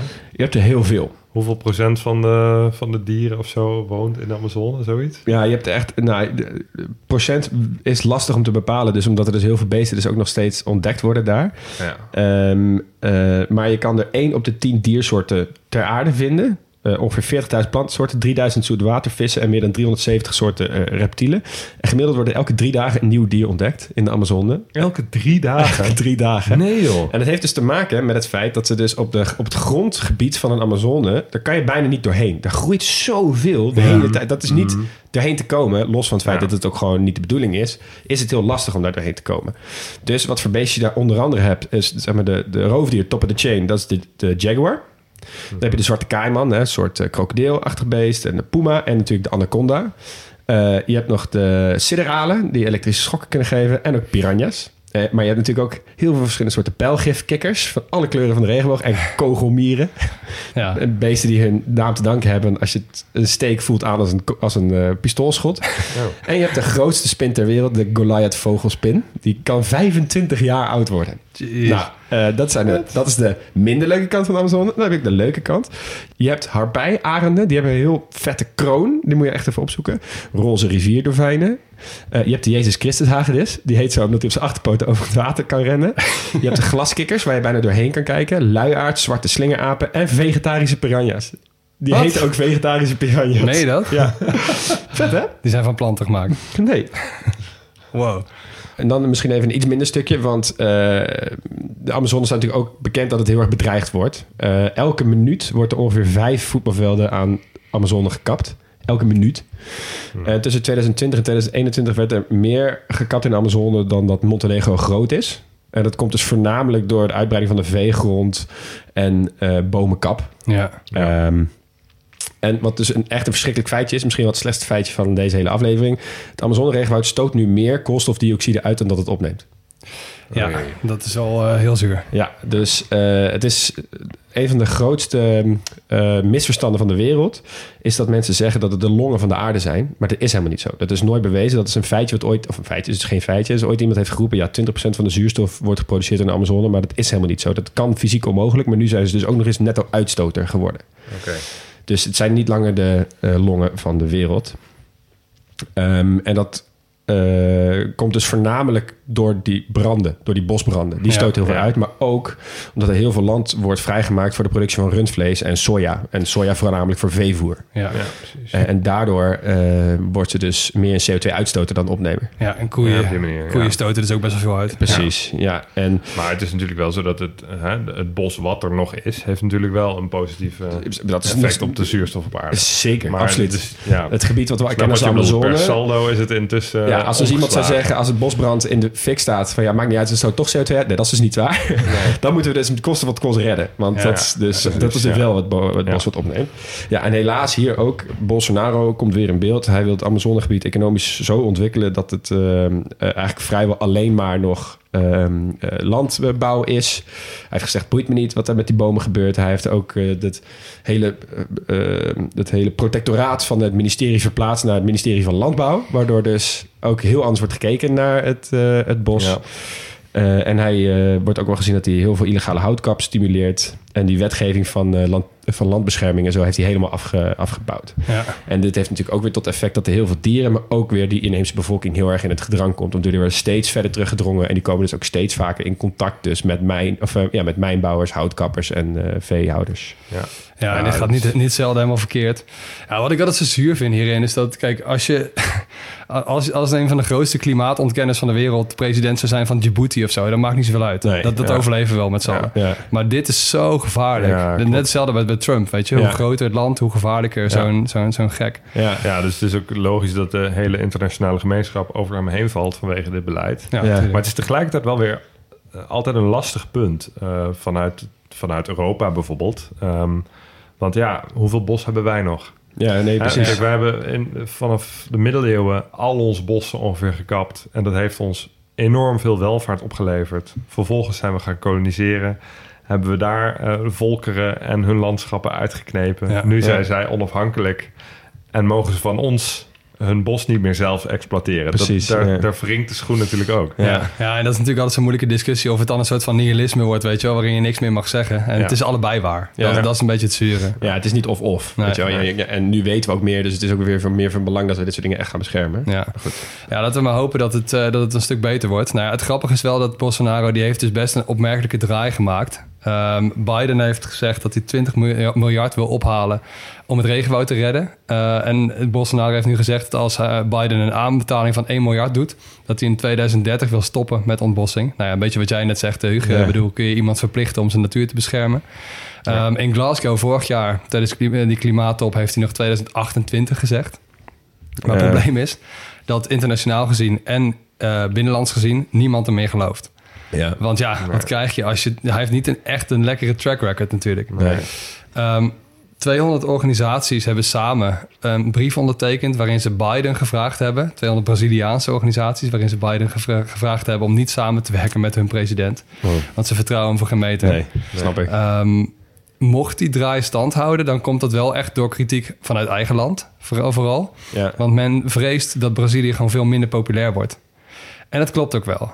Eh, dat kun je best wel goed zien in het vrijhandelsakkoord tussen Mercosur en de EU. Hè, Mercosur, het samenwerkingsverband tussen eh, Brazilië, Argentinië, Pa- eh, Paraguay en Uruguay. Ehm, dat akkoord, dat is ook weer zo'n vrijhandelsakkoord zoals CETA ook was een paar jaar geleden, hè, tussen Nederland en Canada zo. Maar er wordt al meer dan 20 jaar aangeschreven. En in 2019 was hij klaar. En is het toen door verschillende EU-landen afgekeurd in de huidige vorm. Ook door Nederland. Door een motie van de Partij van de Dieren. Eh, die is toen gesteund door de hele oppositie en de CU. Ehm, en daardoor is hij dus ook nog niet geratificeerd. Oké. Nederland was ook niet Mm. het enige land dat eh, dwars ging liggen. Ja. Ehm, maar de oppositie in Nederland heeft wel degelijk invloed gehad daarin. Ja. Dus zolang dat verdrag niet geratificeerd wordt, kan het ook niet in werking stellen. Ja. Ehm, die Braziliaanse landbouwsector, die voelt dus bui al hangen. Dat is echt de machtigste lobby ongeveer in dat hele land. En die beginnen dus nu te muiten. Want die denken, ja, als, het, als door onze president wij zo impopulair worden... en niemand meer handel met ons wil doen... dat is ook niet de kant die we op moeten. Nee. Dus eh, Bolsonaro die kan ook niet echt iets anders doen dan volgen. Laten we hopen dat dat een trend is die zich door gaat zetten. Ja. Of, of het nou aan hem ligt of niet. Ja. Nou, jongens, genoeg over die Amazone. Eh, Brazilië, ons eerste BRICS-land. Ja. Ja. De BRICS staan voor... Brazil, Russia, India, China. En Zuid- en Zuid-Afrika, ja, ja. precies. Dus in 2009 gestart als BRIC en toen eh, eh, Zuid-Afrika erbij in 2010. Eh, een paar maanden geleden ehm, zijn er twee nieuwe landen die gesolliciteerd hebben naar een plekje. Nigeria? Wil je een... eh, Indonesië? Nee, India? Oh nee, zit bij. Oeh. nee. Het is ook niet een hele makkelijke. Het zijn Argentinië en Iran.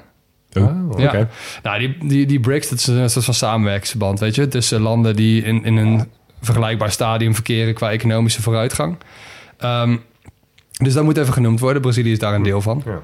Nou, ehm, eh, grote economische groei gehad in de afgelopen decennia. Dus de vraag is even, wat kunnen ze nou allemaal?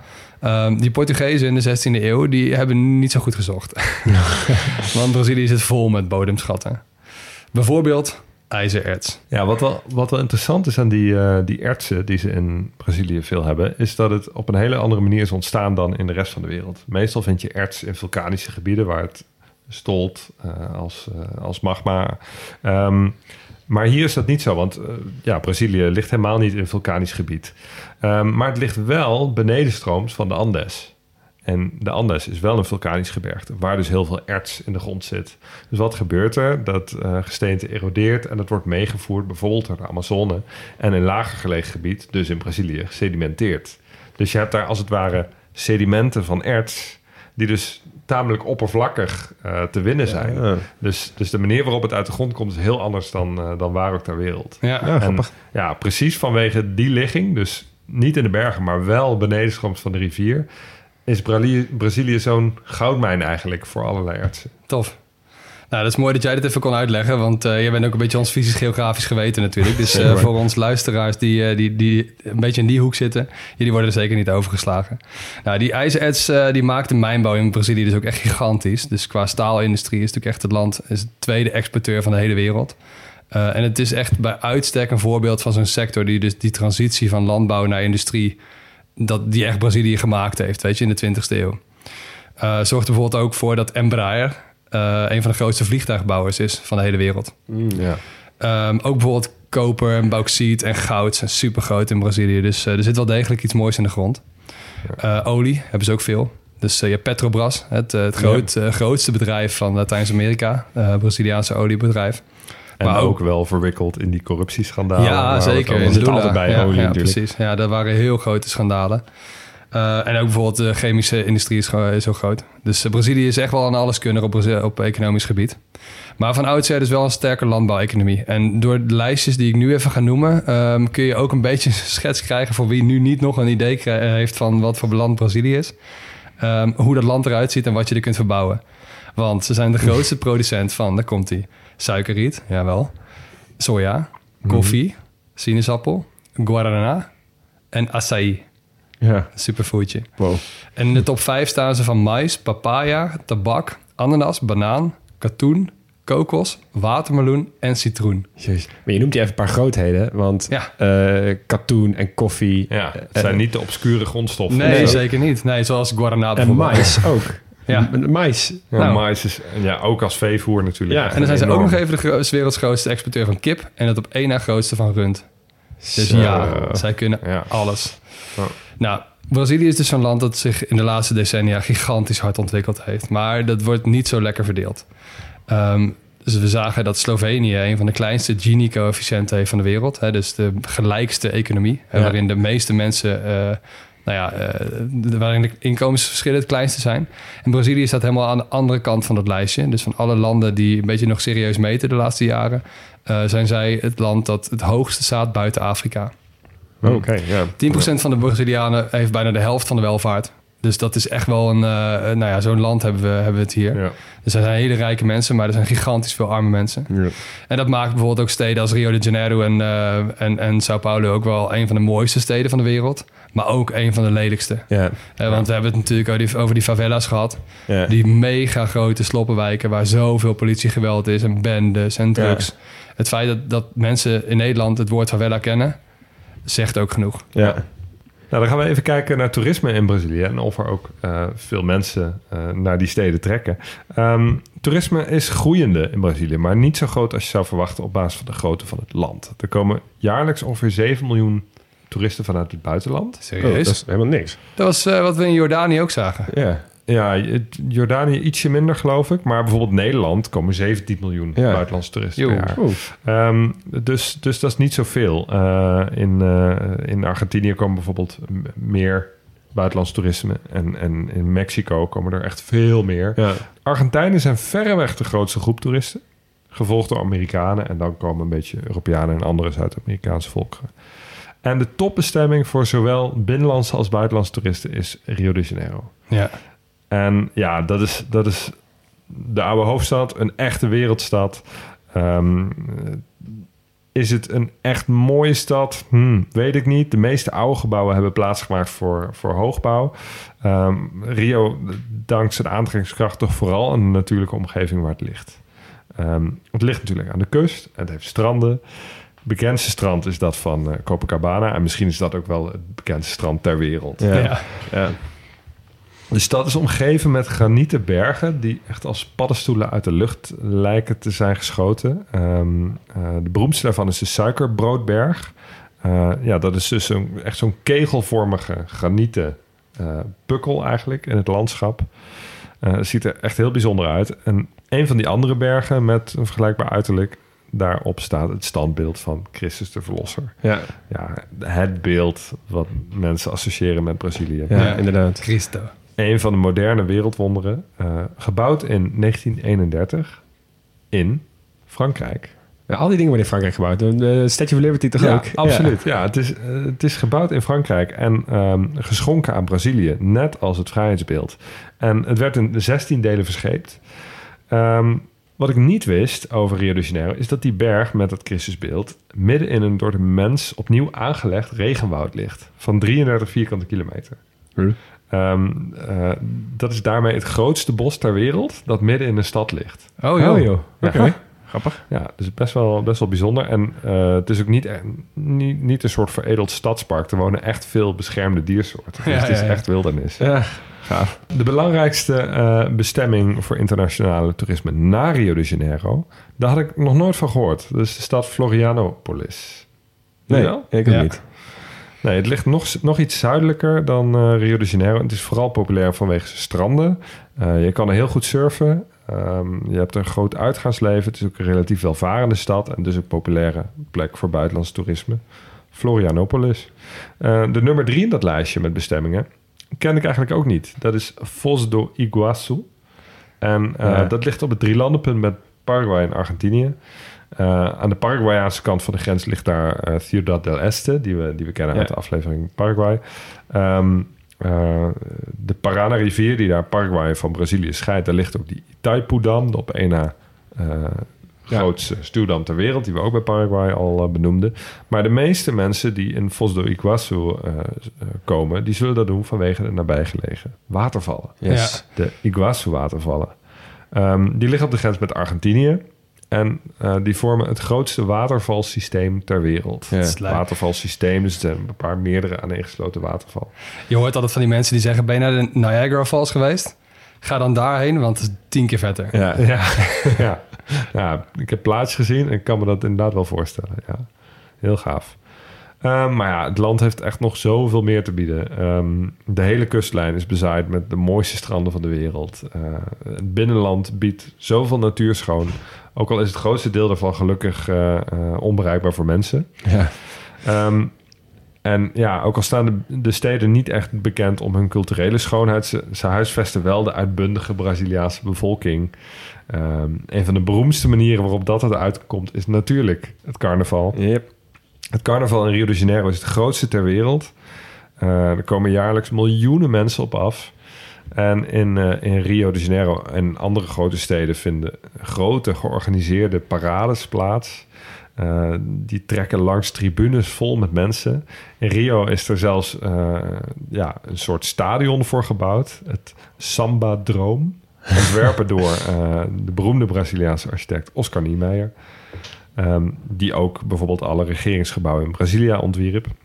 Ja, en dit, dit stadion, dat is een soort 700 meter lange straat... met aan weerszijden hoge tribunes. In totaal kunnen er 90.000 mensen op zitten. Ja, Jo. echt vet. Het is gewoon, het is gewoon een soort super wasstraat. Ja, Het is gewoon een paradeplek. Oké, Ja. let's go. Ja, echt, echt gigantisch. Ja. En ehm, eh, tijdens de Olympische Spelen van 2016 die ze organiseerden, werd het ook gebeur, eh, gebruikt. Hier was de finish van een marathon. Nou, dat is natuurlijk wel echt een epische plek. plek, om, je, Ja. om je marathon te finishen. Ehm, maar goed, het, is, het carnaval is in Rio dus echt een show die wordt getoond aan het publiek. Ehm, in andere steden, zoals Belo Horizonte, is het carnaval echt veel interactiever. Ehm, daar vormt het toegestroomde publiek eigenlijk zelf de parade. Eh, het wordt dus lokaal op heel veel verschillende manieren gevierd. Maar overal geldt in ieder geval... carnaval is echt mega groot. Ja. Eh, verreweg het belangrijkste feest van het jaar. Dagenlang is alles en iedereen ermee bezig. Ja. Veel pauwenveren. Ja. Ja. En dan kunnen, dan kunnen ze in Brabant nog wel een eh, puntje aan zeggen, denk ik. Zo.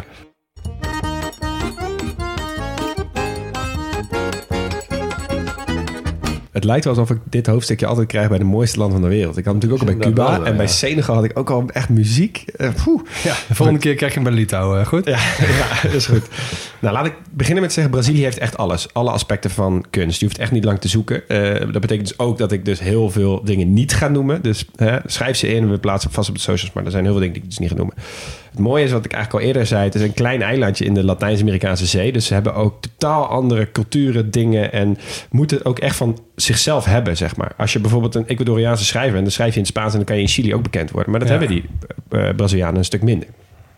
Nou, om te beginnen met die schrijvers. Ik zal er steeds even drie noemen hè, per, eh, per subcategorie, om het even zo te noemen. Uh-oh. Ik heb hele bibliotheek volgeschoten. Ja, zeker. Je hebt Euclides da Cunha, eh, die heeft het boek De Binnenlander geschreven. Heel bekend boek, ook heel veel prijzen gewonnen. En je hebt Jorge Amado, die heeft eh, onder andere Gabriela Cravo e Canela geschreven. En de waarschijnlijk voor jullie bekendste Paulo Coelho. de alchemist geschreven. En hij heeft een boek geschreven over onze eigen Friese Matahari. Met de titel La Espia. Ehm, dan even naar de films. Orfeo Negro, een hele bekende film, in ieder geval in Brazilië. Het won in 1960 eh, de Oscar voor beste buitenlandse film. Het ging over de liefde in Rio op basis van de Griekse mythe van Orpheus en eh, Eurydice. Eh, en dan een van mijn favoriete films alle tijden. We hebben vorige week nog gekeken, Max. Cida de Deus. Echt een fantastische film over de realiteit van de jeugdbendes, drugs en uitzichtloosheid in de jaren 60 en 70 in die favelas in Rio. Heel mooi gefilmd. En tenslotte eentje die ik in mijn eentje afgelopen week weer heb gekeken. Tropa de Elite. Eh Tropa de Elite 1 en 2 zijn twee films. En die laten de politiekant zien van hoe nu. Hoe zij omgaan met ehm, geld en drugs. En eigenlijk ook het systeem van een slecht betaalde baan met heel veel politiegeweld en zo. En op een hele proberen ze een realistische manier te laten zien. Tipjes van mij. Nou, wat, eh, wat voor mensen spelen dan in die films? Nou, onder andere Rodrigo Santoro. Eh, die speelt in eh, Westworld, Love Actually en Lost. Dus eh, als je, die, als je dat gezicht ziet, die ken je wel. Eh, Morena Baccarin. Eh, prachtige vrouw. Speelt in eh, Deadpool, Gotham en in Homeland. En tenslotte Wagner Maura. Zegt hij nou weer iets? Ja, Hij ja, is- ja, zeker. Wacht even. Is dat die gast van eh Narcos? Dat is die hoofd. Dat hij speelt Pablo Escobar. Ja. Ja, en hij is dus ook de hoofdrolspeler in die films die ik net noemde, Tropa de Elite 1 en 2. Hij speelt uh, Nascimento, de, de chef daar. Dan ehm, de, de modellen uit het land. Eh, alleen vrouwen. Alessandra Ambrosio. Giselle Bündchen. Inmiddels eh, bijna vriendin van de show, vaak eh, genoemd. en Adriana Lima, die ondanks de achternaam wel gewoon uit Brazilië komt. We zullen vaste plaatjes plaatsen op de socials. Eh, en dan gaan we naar het hoofdstukje, of binnen het hoofdstukje. Het hoofdgerecht. Het hoofdgerecht, de muziek.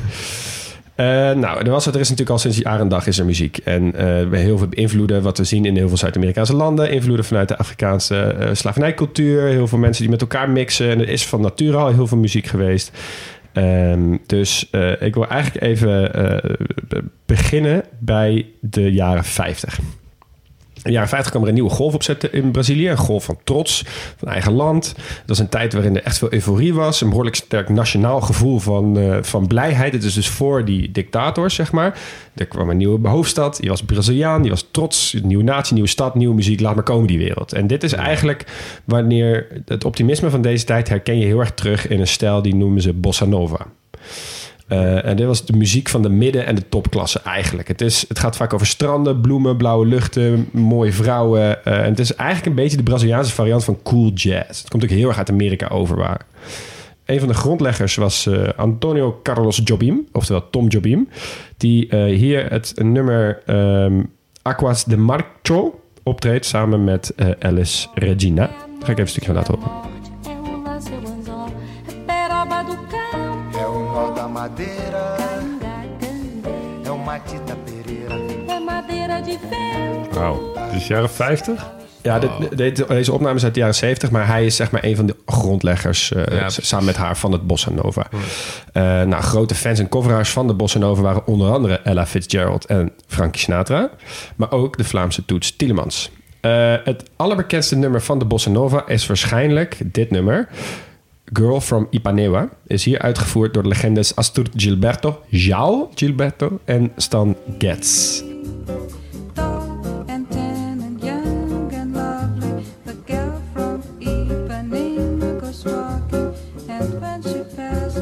Nou, echt cool jazz, toch? Is het, eh, het is het, te, te, te, te, te- het is best wel een herkenbaar Ja, het, is, het wordt ritmetje ook. Ja, het wordt heel erg gezegd dat het heel erg sprekende taal is. Dus ze praten over hele mooie dingen, maar dat doen ze op een hele chille manier, zeg maar. Sommige mensen worden ook helemaal gek van die bossa nova, omdat het dus echt heet het heel, wel heel cool is. Ja, zeg maar. Heel-. Helemaal niet dat Braziliaanse uitbundigheid. Nee. Ehm, eh, dan gaan we even een klein uitstapje, want in de jaren 50, we hebben hem al een keer genoemd, kwam er dus ook heel veel Braziliaanse architectuur op. Door die Oscar Niemeyer. En hij heeft ongeveer eigenhandig heel Brazilia ontworpen. Basically zijn alle belangrijke gebouwen in het land van hem. Ja. Zijn werk kenmerkte zich door opvallend sensuele vormen. En dat was een grote vernieuwing in de moderne architectuur. Eh, zijn bijnaam was dan ook de King of the Curve. Eh, en het had tot eigenlijk dan toe altijd een hele strakke geometrische uitstraling. Maar als je dus in Brazilië iets ziet met een ronding erop... kun je er wel redelijk van uitgaan dat het van hem was. Eh, hij was zijn hele leven Marxist, Oscar Niemeyer. Daarvoor moest hij dus ook eh, weg uit Brazilië... toen onder het dictatorschap. En, Oh ja, eh, hè, dus moest natuurlijk niks hebben van de Marxisten. Maar ja, dat heeft uiteindelijk wel voor gezorgd... dat er dus onder andere in Israël en Italië... bijvoorbeeld ook mooie pareltjes van hem staan Ja. in de architectuur. Oké, een, van de Braziliaans met een Duitse achternaam. Niemeyer. Ja, Ja. ja, precies. Ja. Nou, dan even weer terug naar de muziek. Want eh, die onderklasse van voornamelijk Rio... die was wel een beetje klaar met die bossa nova. Die vond het eentonig. Die vond dat er te weinig diversiteit in zat. En die wilde veel meer elementen van die Braziliaanse muzikale tradities opnemen... in hun eigen muziek.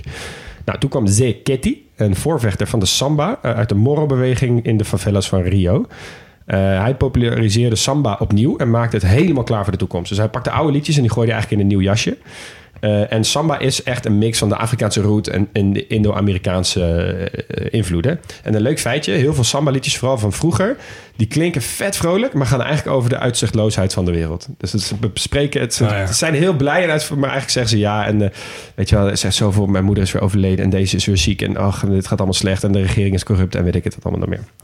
Nou, een van de bekendste voorbeelden van Zeketi is Avos do Eh, het lijkt in eerste instantie een ode aan de samba, maar het is eigenlijk een klaagzang over hoe de overheid de problemen in de favelas niet aanpakt. Gaan we een stukje luisteren. Guerreiros, eu sou o samba. Sou natural daqui do Rio de Janeiro. Sou eu quem leva. Ja, nou, nou zijn we wakker. Ja, maar grappig hoe iets totaal niet kan klinken als een klaagzang... als je niet kan verstaan wat er wordt, ge- wordt gezegd. Nee. Ja. Maar het toch is. Ja, dit klinkt al veel meer als hoe wij Brazilië kennen, tussen aanhalingstekens. vrolijk, ja. ja. Ja, precies. Eh, maar samba werd dus lange tijd niet beschouwd als een serieuze muziekvorm. En artiesten werden ook, helemaal, werden ook heel- overal weggehouden, mochten niet op publieke plekken optreden en zo. Het was heel erg de sound van de favela's en van de onderklasse. Ehm, maar goed, eh, klein stukje naar voren weer. Eh, misschien wel het meest bekende Portugese nummer aller tijden komt uit begin jaren 60 van Jorge Ben. Luister maar.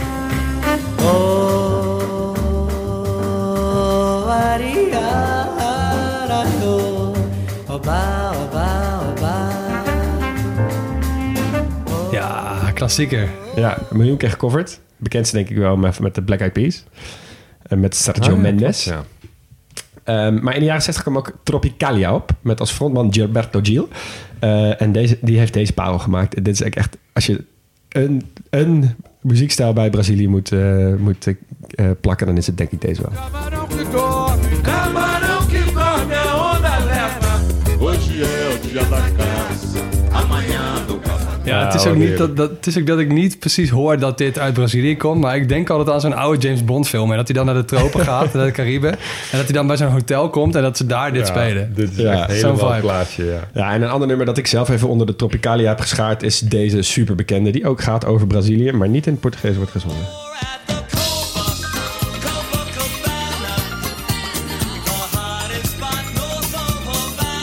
Ja, ja, ja, ja, ja, ja. Dit is lekker, hè? Ja, sorry. Baron Manilow Ga ik stiekem toch wel lekker op. Copacabana. Ja, ja, heerlijk. Ja, ze hebben veel eh sertanejo ook nog. Sertanejo. Eh, dat is wat meer volksmuziek. Een soort eh, duo-muziek. Een beetje de Nick en Simon. Ook heel veel ballades. Gaan heel vaak mensen heel veel over meezingen. Nou, fantastisch. Nou, dan eventjes naar de nummers die eigenlijk vrijwel iedereen kent. Maar vooral ook misschien bekend zijn in Nederland. Dit nummer is bekend geworden door die Tropa de Elite film die ik net zei. En is in Nederland best wel een hitje geweest. En het gaat over al het vuurwapengeweld de favelas in Rio. En dan wil ik vragen welk element van vuurwapengeweld jullie terug wil komen in dit nummer.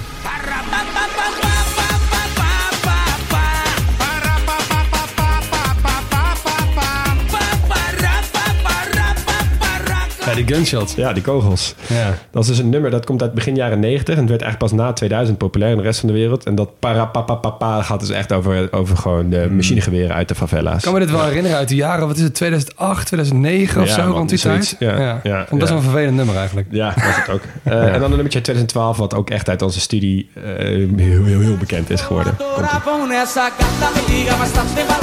Quero curtir com você na madrugada, dançar, pular, até. Dit vond ik wel een lekker nummer altijd. Maar hè. weet je wat het is met Braziliaanse muziek? Je, je bent dit op een gegeven moment wel een beetje zat. Ja. En dat had ik met dit nummer al vrij snel. Ja, dat heb ik wel heel veel gedraaid. toen. Ja, maar dat was een Ja. periode inderdaad rond 2010, 11, 12. Eh, En daar werd er non-stop dit soort dingen gedraaid van die Braziliaanse populaire muziek. Eh, en dit is er ook nog eentje van. Dat is het ene laatste die ik ga doen. En daarna sluit ik met een absolute Braziliaanse topper af. Maar deze is ook echt precies uit die tijd. Nossa, assim você me mata. Ai, se eu te pego, ai, ai, se eu te pego, delícia. Ja, nou, we hebben weer prijs hoor. Deze gaan allemaal in de grote Pop Atlas Oh, playlist. ja. Maar goed, maar ehm, Brazilië heeft dus, zoals ik al zei, veel minder reggaeton dan eh, al die buurlanden. Eh, wat best wel raar is, want ze zijn ongeveer, staan met z'n allen om de hoek. Maar eh, ze hebben wel heel veel andere hun eigen stijl ook ontwikkeld. Ook, het lijkt al een beetje reggaeton, maar het is het toch niet. En een van de allergrootste artiesten van het hele continent, eigenlijk van heel Latijns-Amerika... en van, een van de meest gestreamde ook, dat is Anita, met dubbel T. Anita. Anita. Ehm, ik vind het zelf persoonlijk echt vet lekker. Maar je moet er wel voor in de bui voor zijn. En het heet Vai Malandra.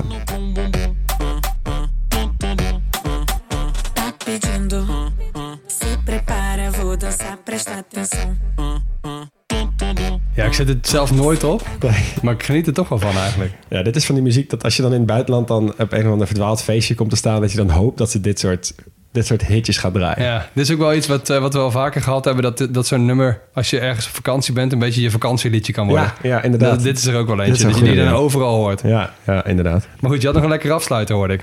Ja, daar heb ik speciaal voor jou nog een toetje gemaakt.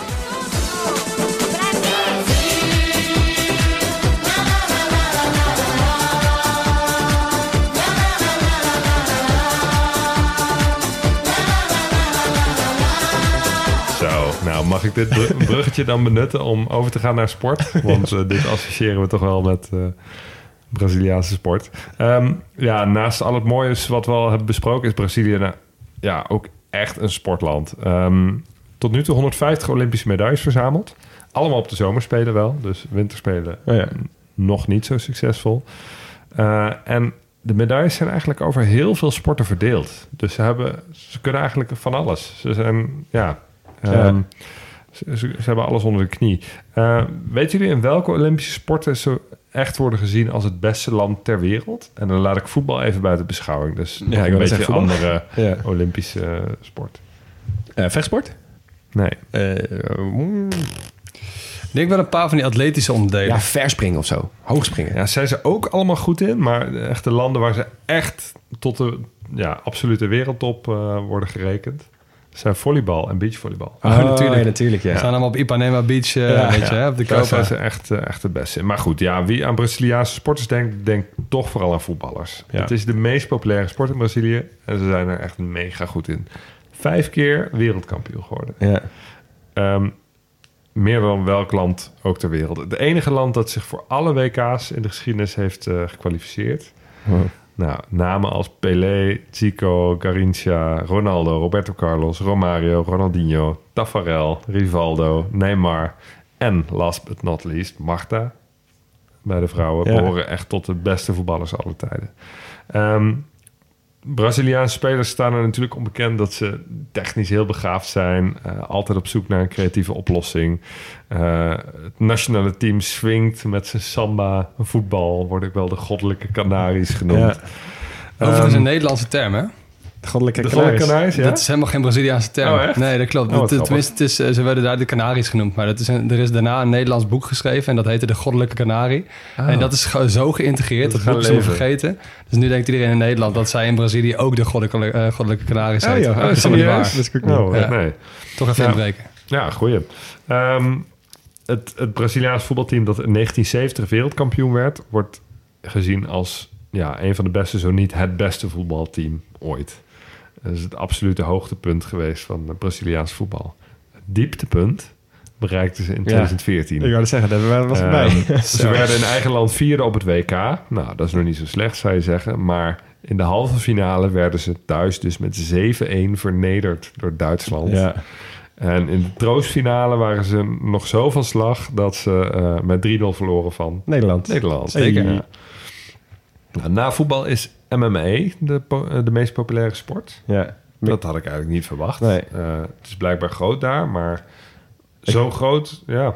Nee, ja, je hebt toch van die lijstjes, dan ga je dus kijken, oké, bijvoorbeeld bij acteurs, famous Brazilian actors of zoiets. En dan staat er, soms kun je op zo'n lijstje met famous Brazilian people. En dan dus geeft je dan weer een haakje om een vervolgonderzoekje te starten. Ja. En echt elke derde persoon waar ik voorbij scrolde was zo MMA-fighter, MMA-fighter, MMA-fighter. Ik dacht, ah, Oké, hoezo is dat zo groot daar dan? Maar- Ja, ja, blijkbaar heel populair. Ehm, ook heel populair in Brazilië is motorsport. En Formule 1 in het bijzonder. Oh ja. Daar ken ik ook nog een paar van. Ja. ja. Sinds de jaren 70 heeft Brazilië ook een Grand Prix op het circuit Interlagos in Sao Paulo. Wat letterlijk tussen twee meren ligt. Ja, Hey. Interlagos. Interlaken. Ehm, het bijzondere aan dit circuit is dat er tegen de klok in wordt gereden. De Dat is een zuidelijk circuits halfrond, hè, reizen eh, met de klok mee. Ehm, en dat zorgt dat, dat een coureur eh, G-krachten ervaart op andere plekken in zijn lichaam. Dus dat geeft altijd toch een beetje een andere sensatie aan de wedstrijd dan, eh, dan circuits waar met de klok mee wordt gereden. Ja. Brazilië heeft zelf ook drie wereldkampioenen in de Formule 1 eh, voortgebracht. Ehm Fittipaldi, eh, Nelson Piquet en laatste Ayrton Senna. Ja. Ja. En eh, Senna kwam in 1994 tijdens de Grand Prix van San Marino bij een ongeluk helaas om het leven. Ehm, ja, de wereld was totaal in shock. Eh, Senna was, was het grootste talent van zijn tijd. Ehm, en zijn dood leidde tot een hele hoop veiligheidsmaatregelen. En die hadden succes, want tot op de dag van vandaag is Senna de laatste Formule 1-coureur die eh, dodelijk is verongelukt. Ja. Ja. Ja. Ja, in onze tijd heb je ook eh, had je nog eh, Felipe Massa en Rubens Barrichello. Ik ook nog. zeker. Zo, ja. Rubens Barrichello die crashte overigens ook tijdens die Grand Prix van eh, San Marino in 1994, voordat Senna het deed. En eh, de dag daarvoor was er een Oostenrijkse coureur Ja. op het circuit overleden. Wow. Dus dat was een rampzalig weekend. Dus het, ja, eh, Ik zou denken, stop dan met racen als er ja, daar er net waren ook mensen die dat Maar... tegen Senna hadden gezegd. Maar Ja. ja. Hey Max, het schijnt dat ze ook goed kunnen surfen in Brazilië. Ja, dat schijnt van wel, ja. Ja, het is best wel gek, want het is natuurlijk van oudsher een beetje een sport die gedomineerd wordt door Amerikanen, door Australiërs. Ehm, eh, nou ja, dat soort landen. Maar Brazilië is nu echt next big thing. Die Ja. gasten worden er echt elke keer wereldkampioen nu. Je hebt, ehm, je hebt Felipe Toledo, je hebt eh, Italo Ferreira, Olympisch kampioen overigens. Voor de eerste keer vorig jaar. Oh, ja. Dus hij heeft goud gepakt. En eh, je hebt nog Medina. Ja, het zijn grote gasten. Weet je, dit, eh, dit, dit zijn echt de guys to beat. Ja, Ja. vet. En, ehm, want ook in skateboarden tegenwoordig zijn super groot. Dus die boardsports zijn echt groot in Brazilië. Ja. Er komen heel veel goede vandaan. Ja. ja, ik wil afsluiten met een, eh, een typisch Braziliaanse sport, namelijk capoeira. Ehm, het wordt van oorsprong beoefend door tot slaafgemaakte Afrikanen in Brazilië. Eh, en het is een soort vechtdans op muziek. het is heel acrobatisch. Er worden complexe trappende bewegingen gemaakt, vaak met de handen op de grond. En eigenlijk is het ook meer een spel dan een sport. Ehm, Ja. eh, er zijn geen winnaars en verliezers. Het is Hm. een samenspel tussen aanvaller en verdediger. eh, waarbij het doel is om elkaars trappende bewegingen juist te ontwijken als verdedigende partij. Nou, er wordt gezegd dat tot slaafgemaakte eh capoeira beoefenden als gevechtstraining, maar tegenover hun eigenaren deden alsof het een soort dans was. Ja, Vandaar ja, de, de ja. muziek erbij en zo. Dus dat ze eigenlijk, ja, dat, dat de, de bazen niet door Ja. hadden dat ze eigenlijk eh, zich fysiek eh, Ja, ja. weerbaarder maakten. Hm. Smart. Nou, ehm, dans was alleen ook verboden voor Afro-Amerikanen. Toen dachten Dus- ze, het is, eh, nou ja, we zijn een boek aan het lezen. Ja, het is eh, dus er zijn echt heel veel eh capoeiristas, zo- zoals ze worden genoemd, zijn in de gevangenis beland. Nou, tegenwoordig is dat wel anders. En eh capoeira is opgenomen op de UNESCO-lijst voor immaterieel erfgoed. Het is ook een mooie lijst altijd, hè? Dat, die lijst. Ja, nee. immaterieel erfgoed. Ja, Daar staan ja, echt de wildste dingen op. Ja, dat is ook een goede zoeklijst eigenlijk. Waarom gaan we er niet vaker heen? Ja, moeten we even vaker doen. Even een lijstje maken. Hey, nog even die keuken. Want ja, meestal sluiten we af met sport. Nu doen we dat met, eh, met de keuken. De eerste keer ooit, denk ik. Ja, dat is de eerste keer ooit. En ik dacht eigenlijk wel, als je deze dingen hoorde, ook in jouw sporthoofdstukje, Huug, dat, is, ja, dat zijn allemaal van die dingen die wist je wel. Het is best wel een bekend terrein. Ook die voetballers, ja, kennen wel, wel 50, Ja. denk ik. Hmm. Maar bij de Braziliaanse keuken kon ik me niet zo heel veel voorstellen. We zien ook niet zoveel Braziliaanse restaurants bijvoorbeeld. En toch, het- ja, het is zo'n immens groot land. Dan moet het toch ook wel heel diverse keuken zijn. En dat is het dus ook wel. Maar wel, ehm, ik kwam wel heel veel nieuwe dingen tegen. Vond ik eigenlijk best wel leuk. Dus ik ga je even meenemen in een kleine, kleine reis qua eh, nou culinaire hoogtepunten van Brazilië. Ehm, als ik dan toch een poging moet doen om het samen te vatten, dan kom ik eigenlijk op vlees, stoofpotjes, gefrituurde snacks, tropisch fruit en vis. Maar dat alles wel echt in wonderlijke creaties. Eh, wat ze ook hebben is een brede selectie van heel veel koolhydraatrijke gerechtdragers, zoals ik ze even noem. Eh, dus dingen als rijst, mais, ehm cassavemeel eten ze veel. Tapioca natuurlijk al genoemd daar. Ja. Dat is bijvoorbeeld ook populair om friet te maken. Van, de friet is hier van aardappelen, is daar van cassave. Nou, Oh. en ehm, die wonderlijke creaties die ik noemde, daar wil ik even bij stilstaan. Ik heb even drie voorbeelden opge- opgenoemd. Eh kanjika is een eh, ontbijtgerecht. Met mais dus als gerechtdrager. Oh. Een ontbijtgerecht van mais. Zelf weten. Wordt traditioneel gegeten tijdens eh, Festa de São João.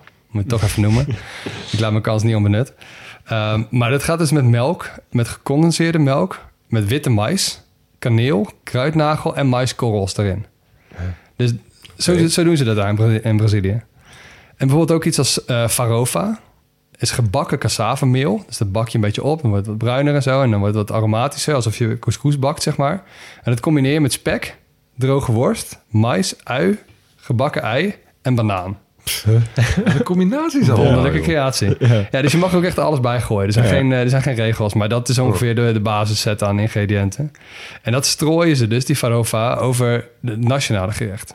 En dat is feijoada.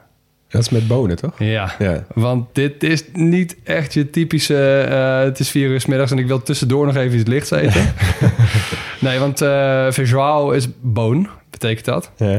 Eh, dus dat geeft inderdaad al een beetje een indicatie. En in dit geval zijn het zwarte bonen. Dus het is echt een donkerbruine tot gitzwarte stoofpot... die je met rijst eet en veel verschillende soorten varkensvleesjes. En het verhaal gaat een beetje dat het ontstaan is in de slavernij. Dus die slavenhouders die gaven feesten. En alles van die varkens werd gebruikt, behalve de staart en de oren en zo. Nou, dat bleef allemaal over. De tot slaafgemaakten, die kregen dan de restjes. En daarvan achteraf, dat gingen ze dan koken met rijst en met, met bonen. Nou, Ah, dan het dus door. Ja, oh ja. Maar het is best wel, eh, het is wel een pittige maaltijd. Ja. Dus als je dat aan het begin van de middag eet, dan hoef je de rest van de dag niks Ik ben meer. blij dat ze dat niet als ontbijt doen. Nee, maar dat maakte dus wel best wel een funky keuken, vond ik. Ja. Ja. Met, eh, nou ja, best wel gekke dingen. Eh, ik vroeg even aan eh, een vriendin van ons, Floor, die is er geweest. En ik zei, joh Floor, wat kun jij je nog herinneren van het eten van Brazilië? Ze zei, maat, ik sta op een festival. Mais. Vier maar, ja, maar ze zei ook wel, dat er zijn ook wel veel van die budgetrestaurants of eh, van die bu- buffetrestaurants waar je echt per gram afrekent. Ja, ja, zo. Oh ja. Ja. Nou, in het Noordoosten heb je veel meer vis. Dus eh, sowieso veel tropische natuurlijk. Dan krijg je Ja. dus van die visstoofpot met kokosmelk, peper, limoen. Hmm. Weet je, de Braziliaanse versie van een rode curry. meer bij, denk ik. Ja, nou dan moet je naar het noorden, Huug. Ja. Eh, als je helemaal naar het uiterste noorden gaat, dat is wel nog funkier. Want daar eten ze ook wel dingen als alligator en schildpad en zo. Mag jij Oh, kiezen. Ja. Nou, ga je dan naar het zuiden, dan is het meer een soort Argentinië. Dus heel veel vlees. En ehm, daar wordt ook wel wijn verbouwd bijvoorbeeld. Nou, Breng me even tot het drinken, want ja, wereldleider in koffie. Ja. Lastige cijfers om echt te duiden, maar men, ik las best op een aantal sites 37% van het marktaandeel. En wat we eerder al zeiden, 37%. dit is ook geen obscuur grondstofje dat niemand verbouwt. Nee. Dus dat doen ze dan echt wel goed. Ze hebben zelf ook best wel een aardige koffiecultuur. eh, hoewel wel weer de beste wordt geëxporteerd. Dat is bijna in al die landen zo. Ja. Ehm, en ze drinken het vaak als cafezinho. Dus klein koffietje. Ja, Lekker espresso. woordje. Ja. Ja, maar dus niet als espresso. Maar als een, Als een filter koffietje. Maar gewoon een kleintje. een klein Een klein, filterkoffietje. klein, klein cupje. Ehm, Ik heb het zien, joh. maar het grappige is wel dat die, die, die suiker die zij zelf drinken... die is vaak best wel bitter, omdat die heel laag gelegen groeit. De zoetste koffie, hè, met aanhalingstekens, die, eh, die groeit heel hoog. Of tussen een bepaald eh, aantal eh, hoogtemeters. Deze groeit wat lager, dus die is wat bitterder. Waardoor ze hem volgooien met, eh, met, met suiker. Dus als Oh, je ja. eh, super, super zo- zoete koffie krijgt... dan weet je dan, dat je een goede cafezinho te pakken. Ja. Ja. En dan komen we nog eventjes op eh, de cachaça. De nationale drank van Brazilië. Zeg niet dat het rum is. Want het, is wel, het lijkt op rum. Maar het is echt wel een verschil. Eh, rum wordt vooral gemaakt van de stroop van gekookte suikerriet. Ja. En cachaça maak je van verse sap van suikerriet. Wat ze in het buitenland ook wel als sugarcane juice kennen. Wij ke- kennen dat niet zo. Dus dat is echt wel een, eh, een verschil. En eh, die cachaça is ook de belangrijkste, het belangrijkste ingrediënt voor de caipirinha's. Ah, ik dacht Ja, wel, ik zeggen, waar blijft die? Ja. Ja. Ja, ja, ja, tuurlijk. De- de- de- kun je een cocktailland voorstellen dat, dat, dat groter is dan Brazilië. Nee. Ehm, waar maak je dat mee? Limoen Oeh. vast. Limoen vaak, is goed. Dat soort dingen. Eh zal ook wel eh, eh, suiker in zitten. Heerlijk lekker aan het overhoren met cocktailtjes de Ja. laatste tijd. Suiker is ook goed en ijs natuurlijk. Is dat het serieus? Ja, dat is het. Oké. Afgeleid van caipira, ongeschoolde plattelandslui eigenlijk. Oh, echt? Daarna, dan noemden ze het nou. Kleintje. Ja. Maar wat wel, ik- ja goed, die caipirinha's die heb je overal in Nederland ook wel in de, ehm, in de, in de cocktailbars en in de restaurants en zo. Ik vraag me het hardop een beetje af of ze dat ook maken met cachaça. Ja. Ja. Dus of niet stiekem toch gewoon een beetje gesjoemeld wordt en dat ze er gewoon zo'n Cubaanse rum doorheen gooien. Dat zou me niks Of verbazen. erger. Ja. Ja, maar, ja. Zelf, zelfgestookte eh, moonshine. Ja. ja, ja, precies. Ja.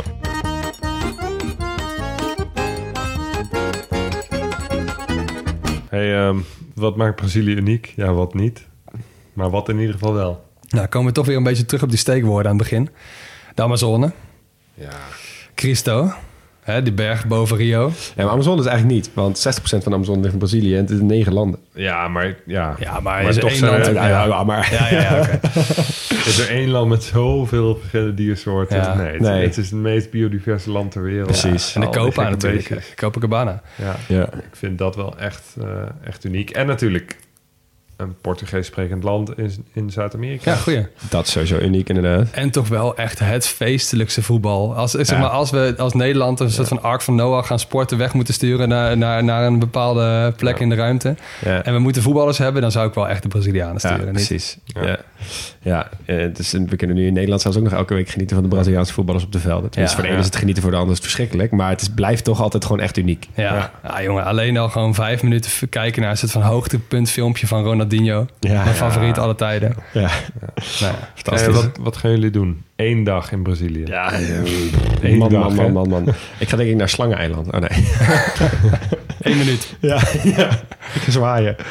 Nee, wat ga je doen? Ja, goede vraag. Kijk, aan de ene kant zou ik dus heel graag die Amazone in willen. Eh, omdat het regenwoud, zoals het regenwoud echt meemaakt. Lijkt me echt, eh, echt uniek. Maar aan de andere kant wil ik ook niet bijdragen aan dat gevoel of zo. Hmm. Ik, vind, ik vind het een hele lastige vraag om te beantwoorden. Dus misschien ga ik gewoon voor veilig en ga ik gewoon eh, een dag naar Rio. En dan ga ik Ja. caipirinhas drinken op de Copa en dan eh Ja. dansen in de cluba. Ja. ja, ik ga een heel gek antwoord geven. Want ik ga... Jij gaat niet. ik, ga Portugal. ik ga zeker wel. Maar ik ga naar Brasilia.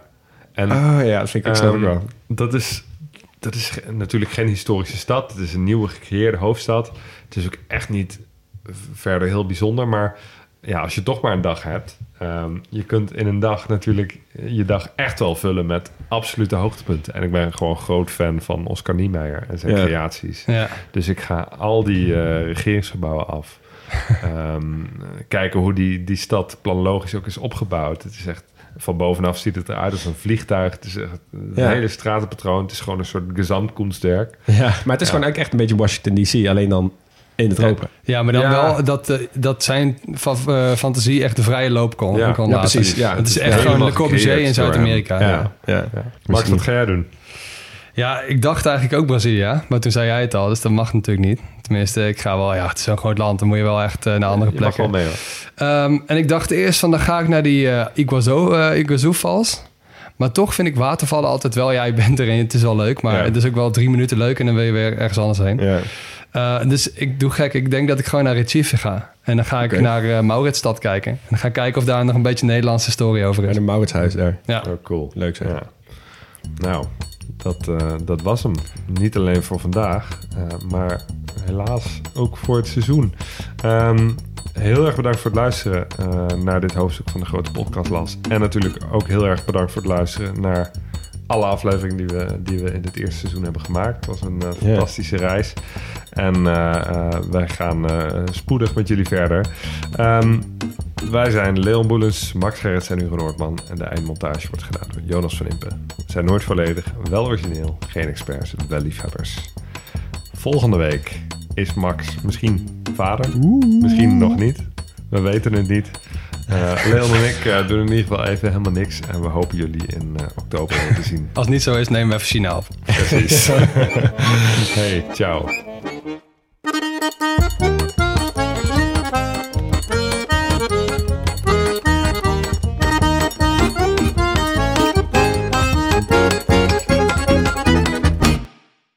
Luisteraar. Luister je nog steeds? Klasse, man. Je hebt er gewoon helemaal afgeluisterd. Nou, nu je tot hier bent gekomen, koop dan ook gelijk even ons boek, hè. grotepodcastlas.nl slash boek.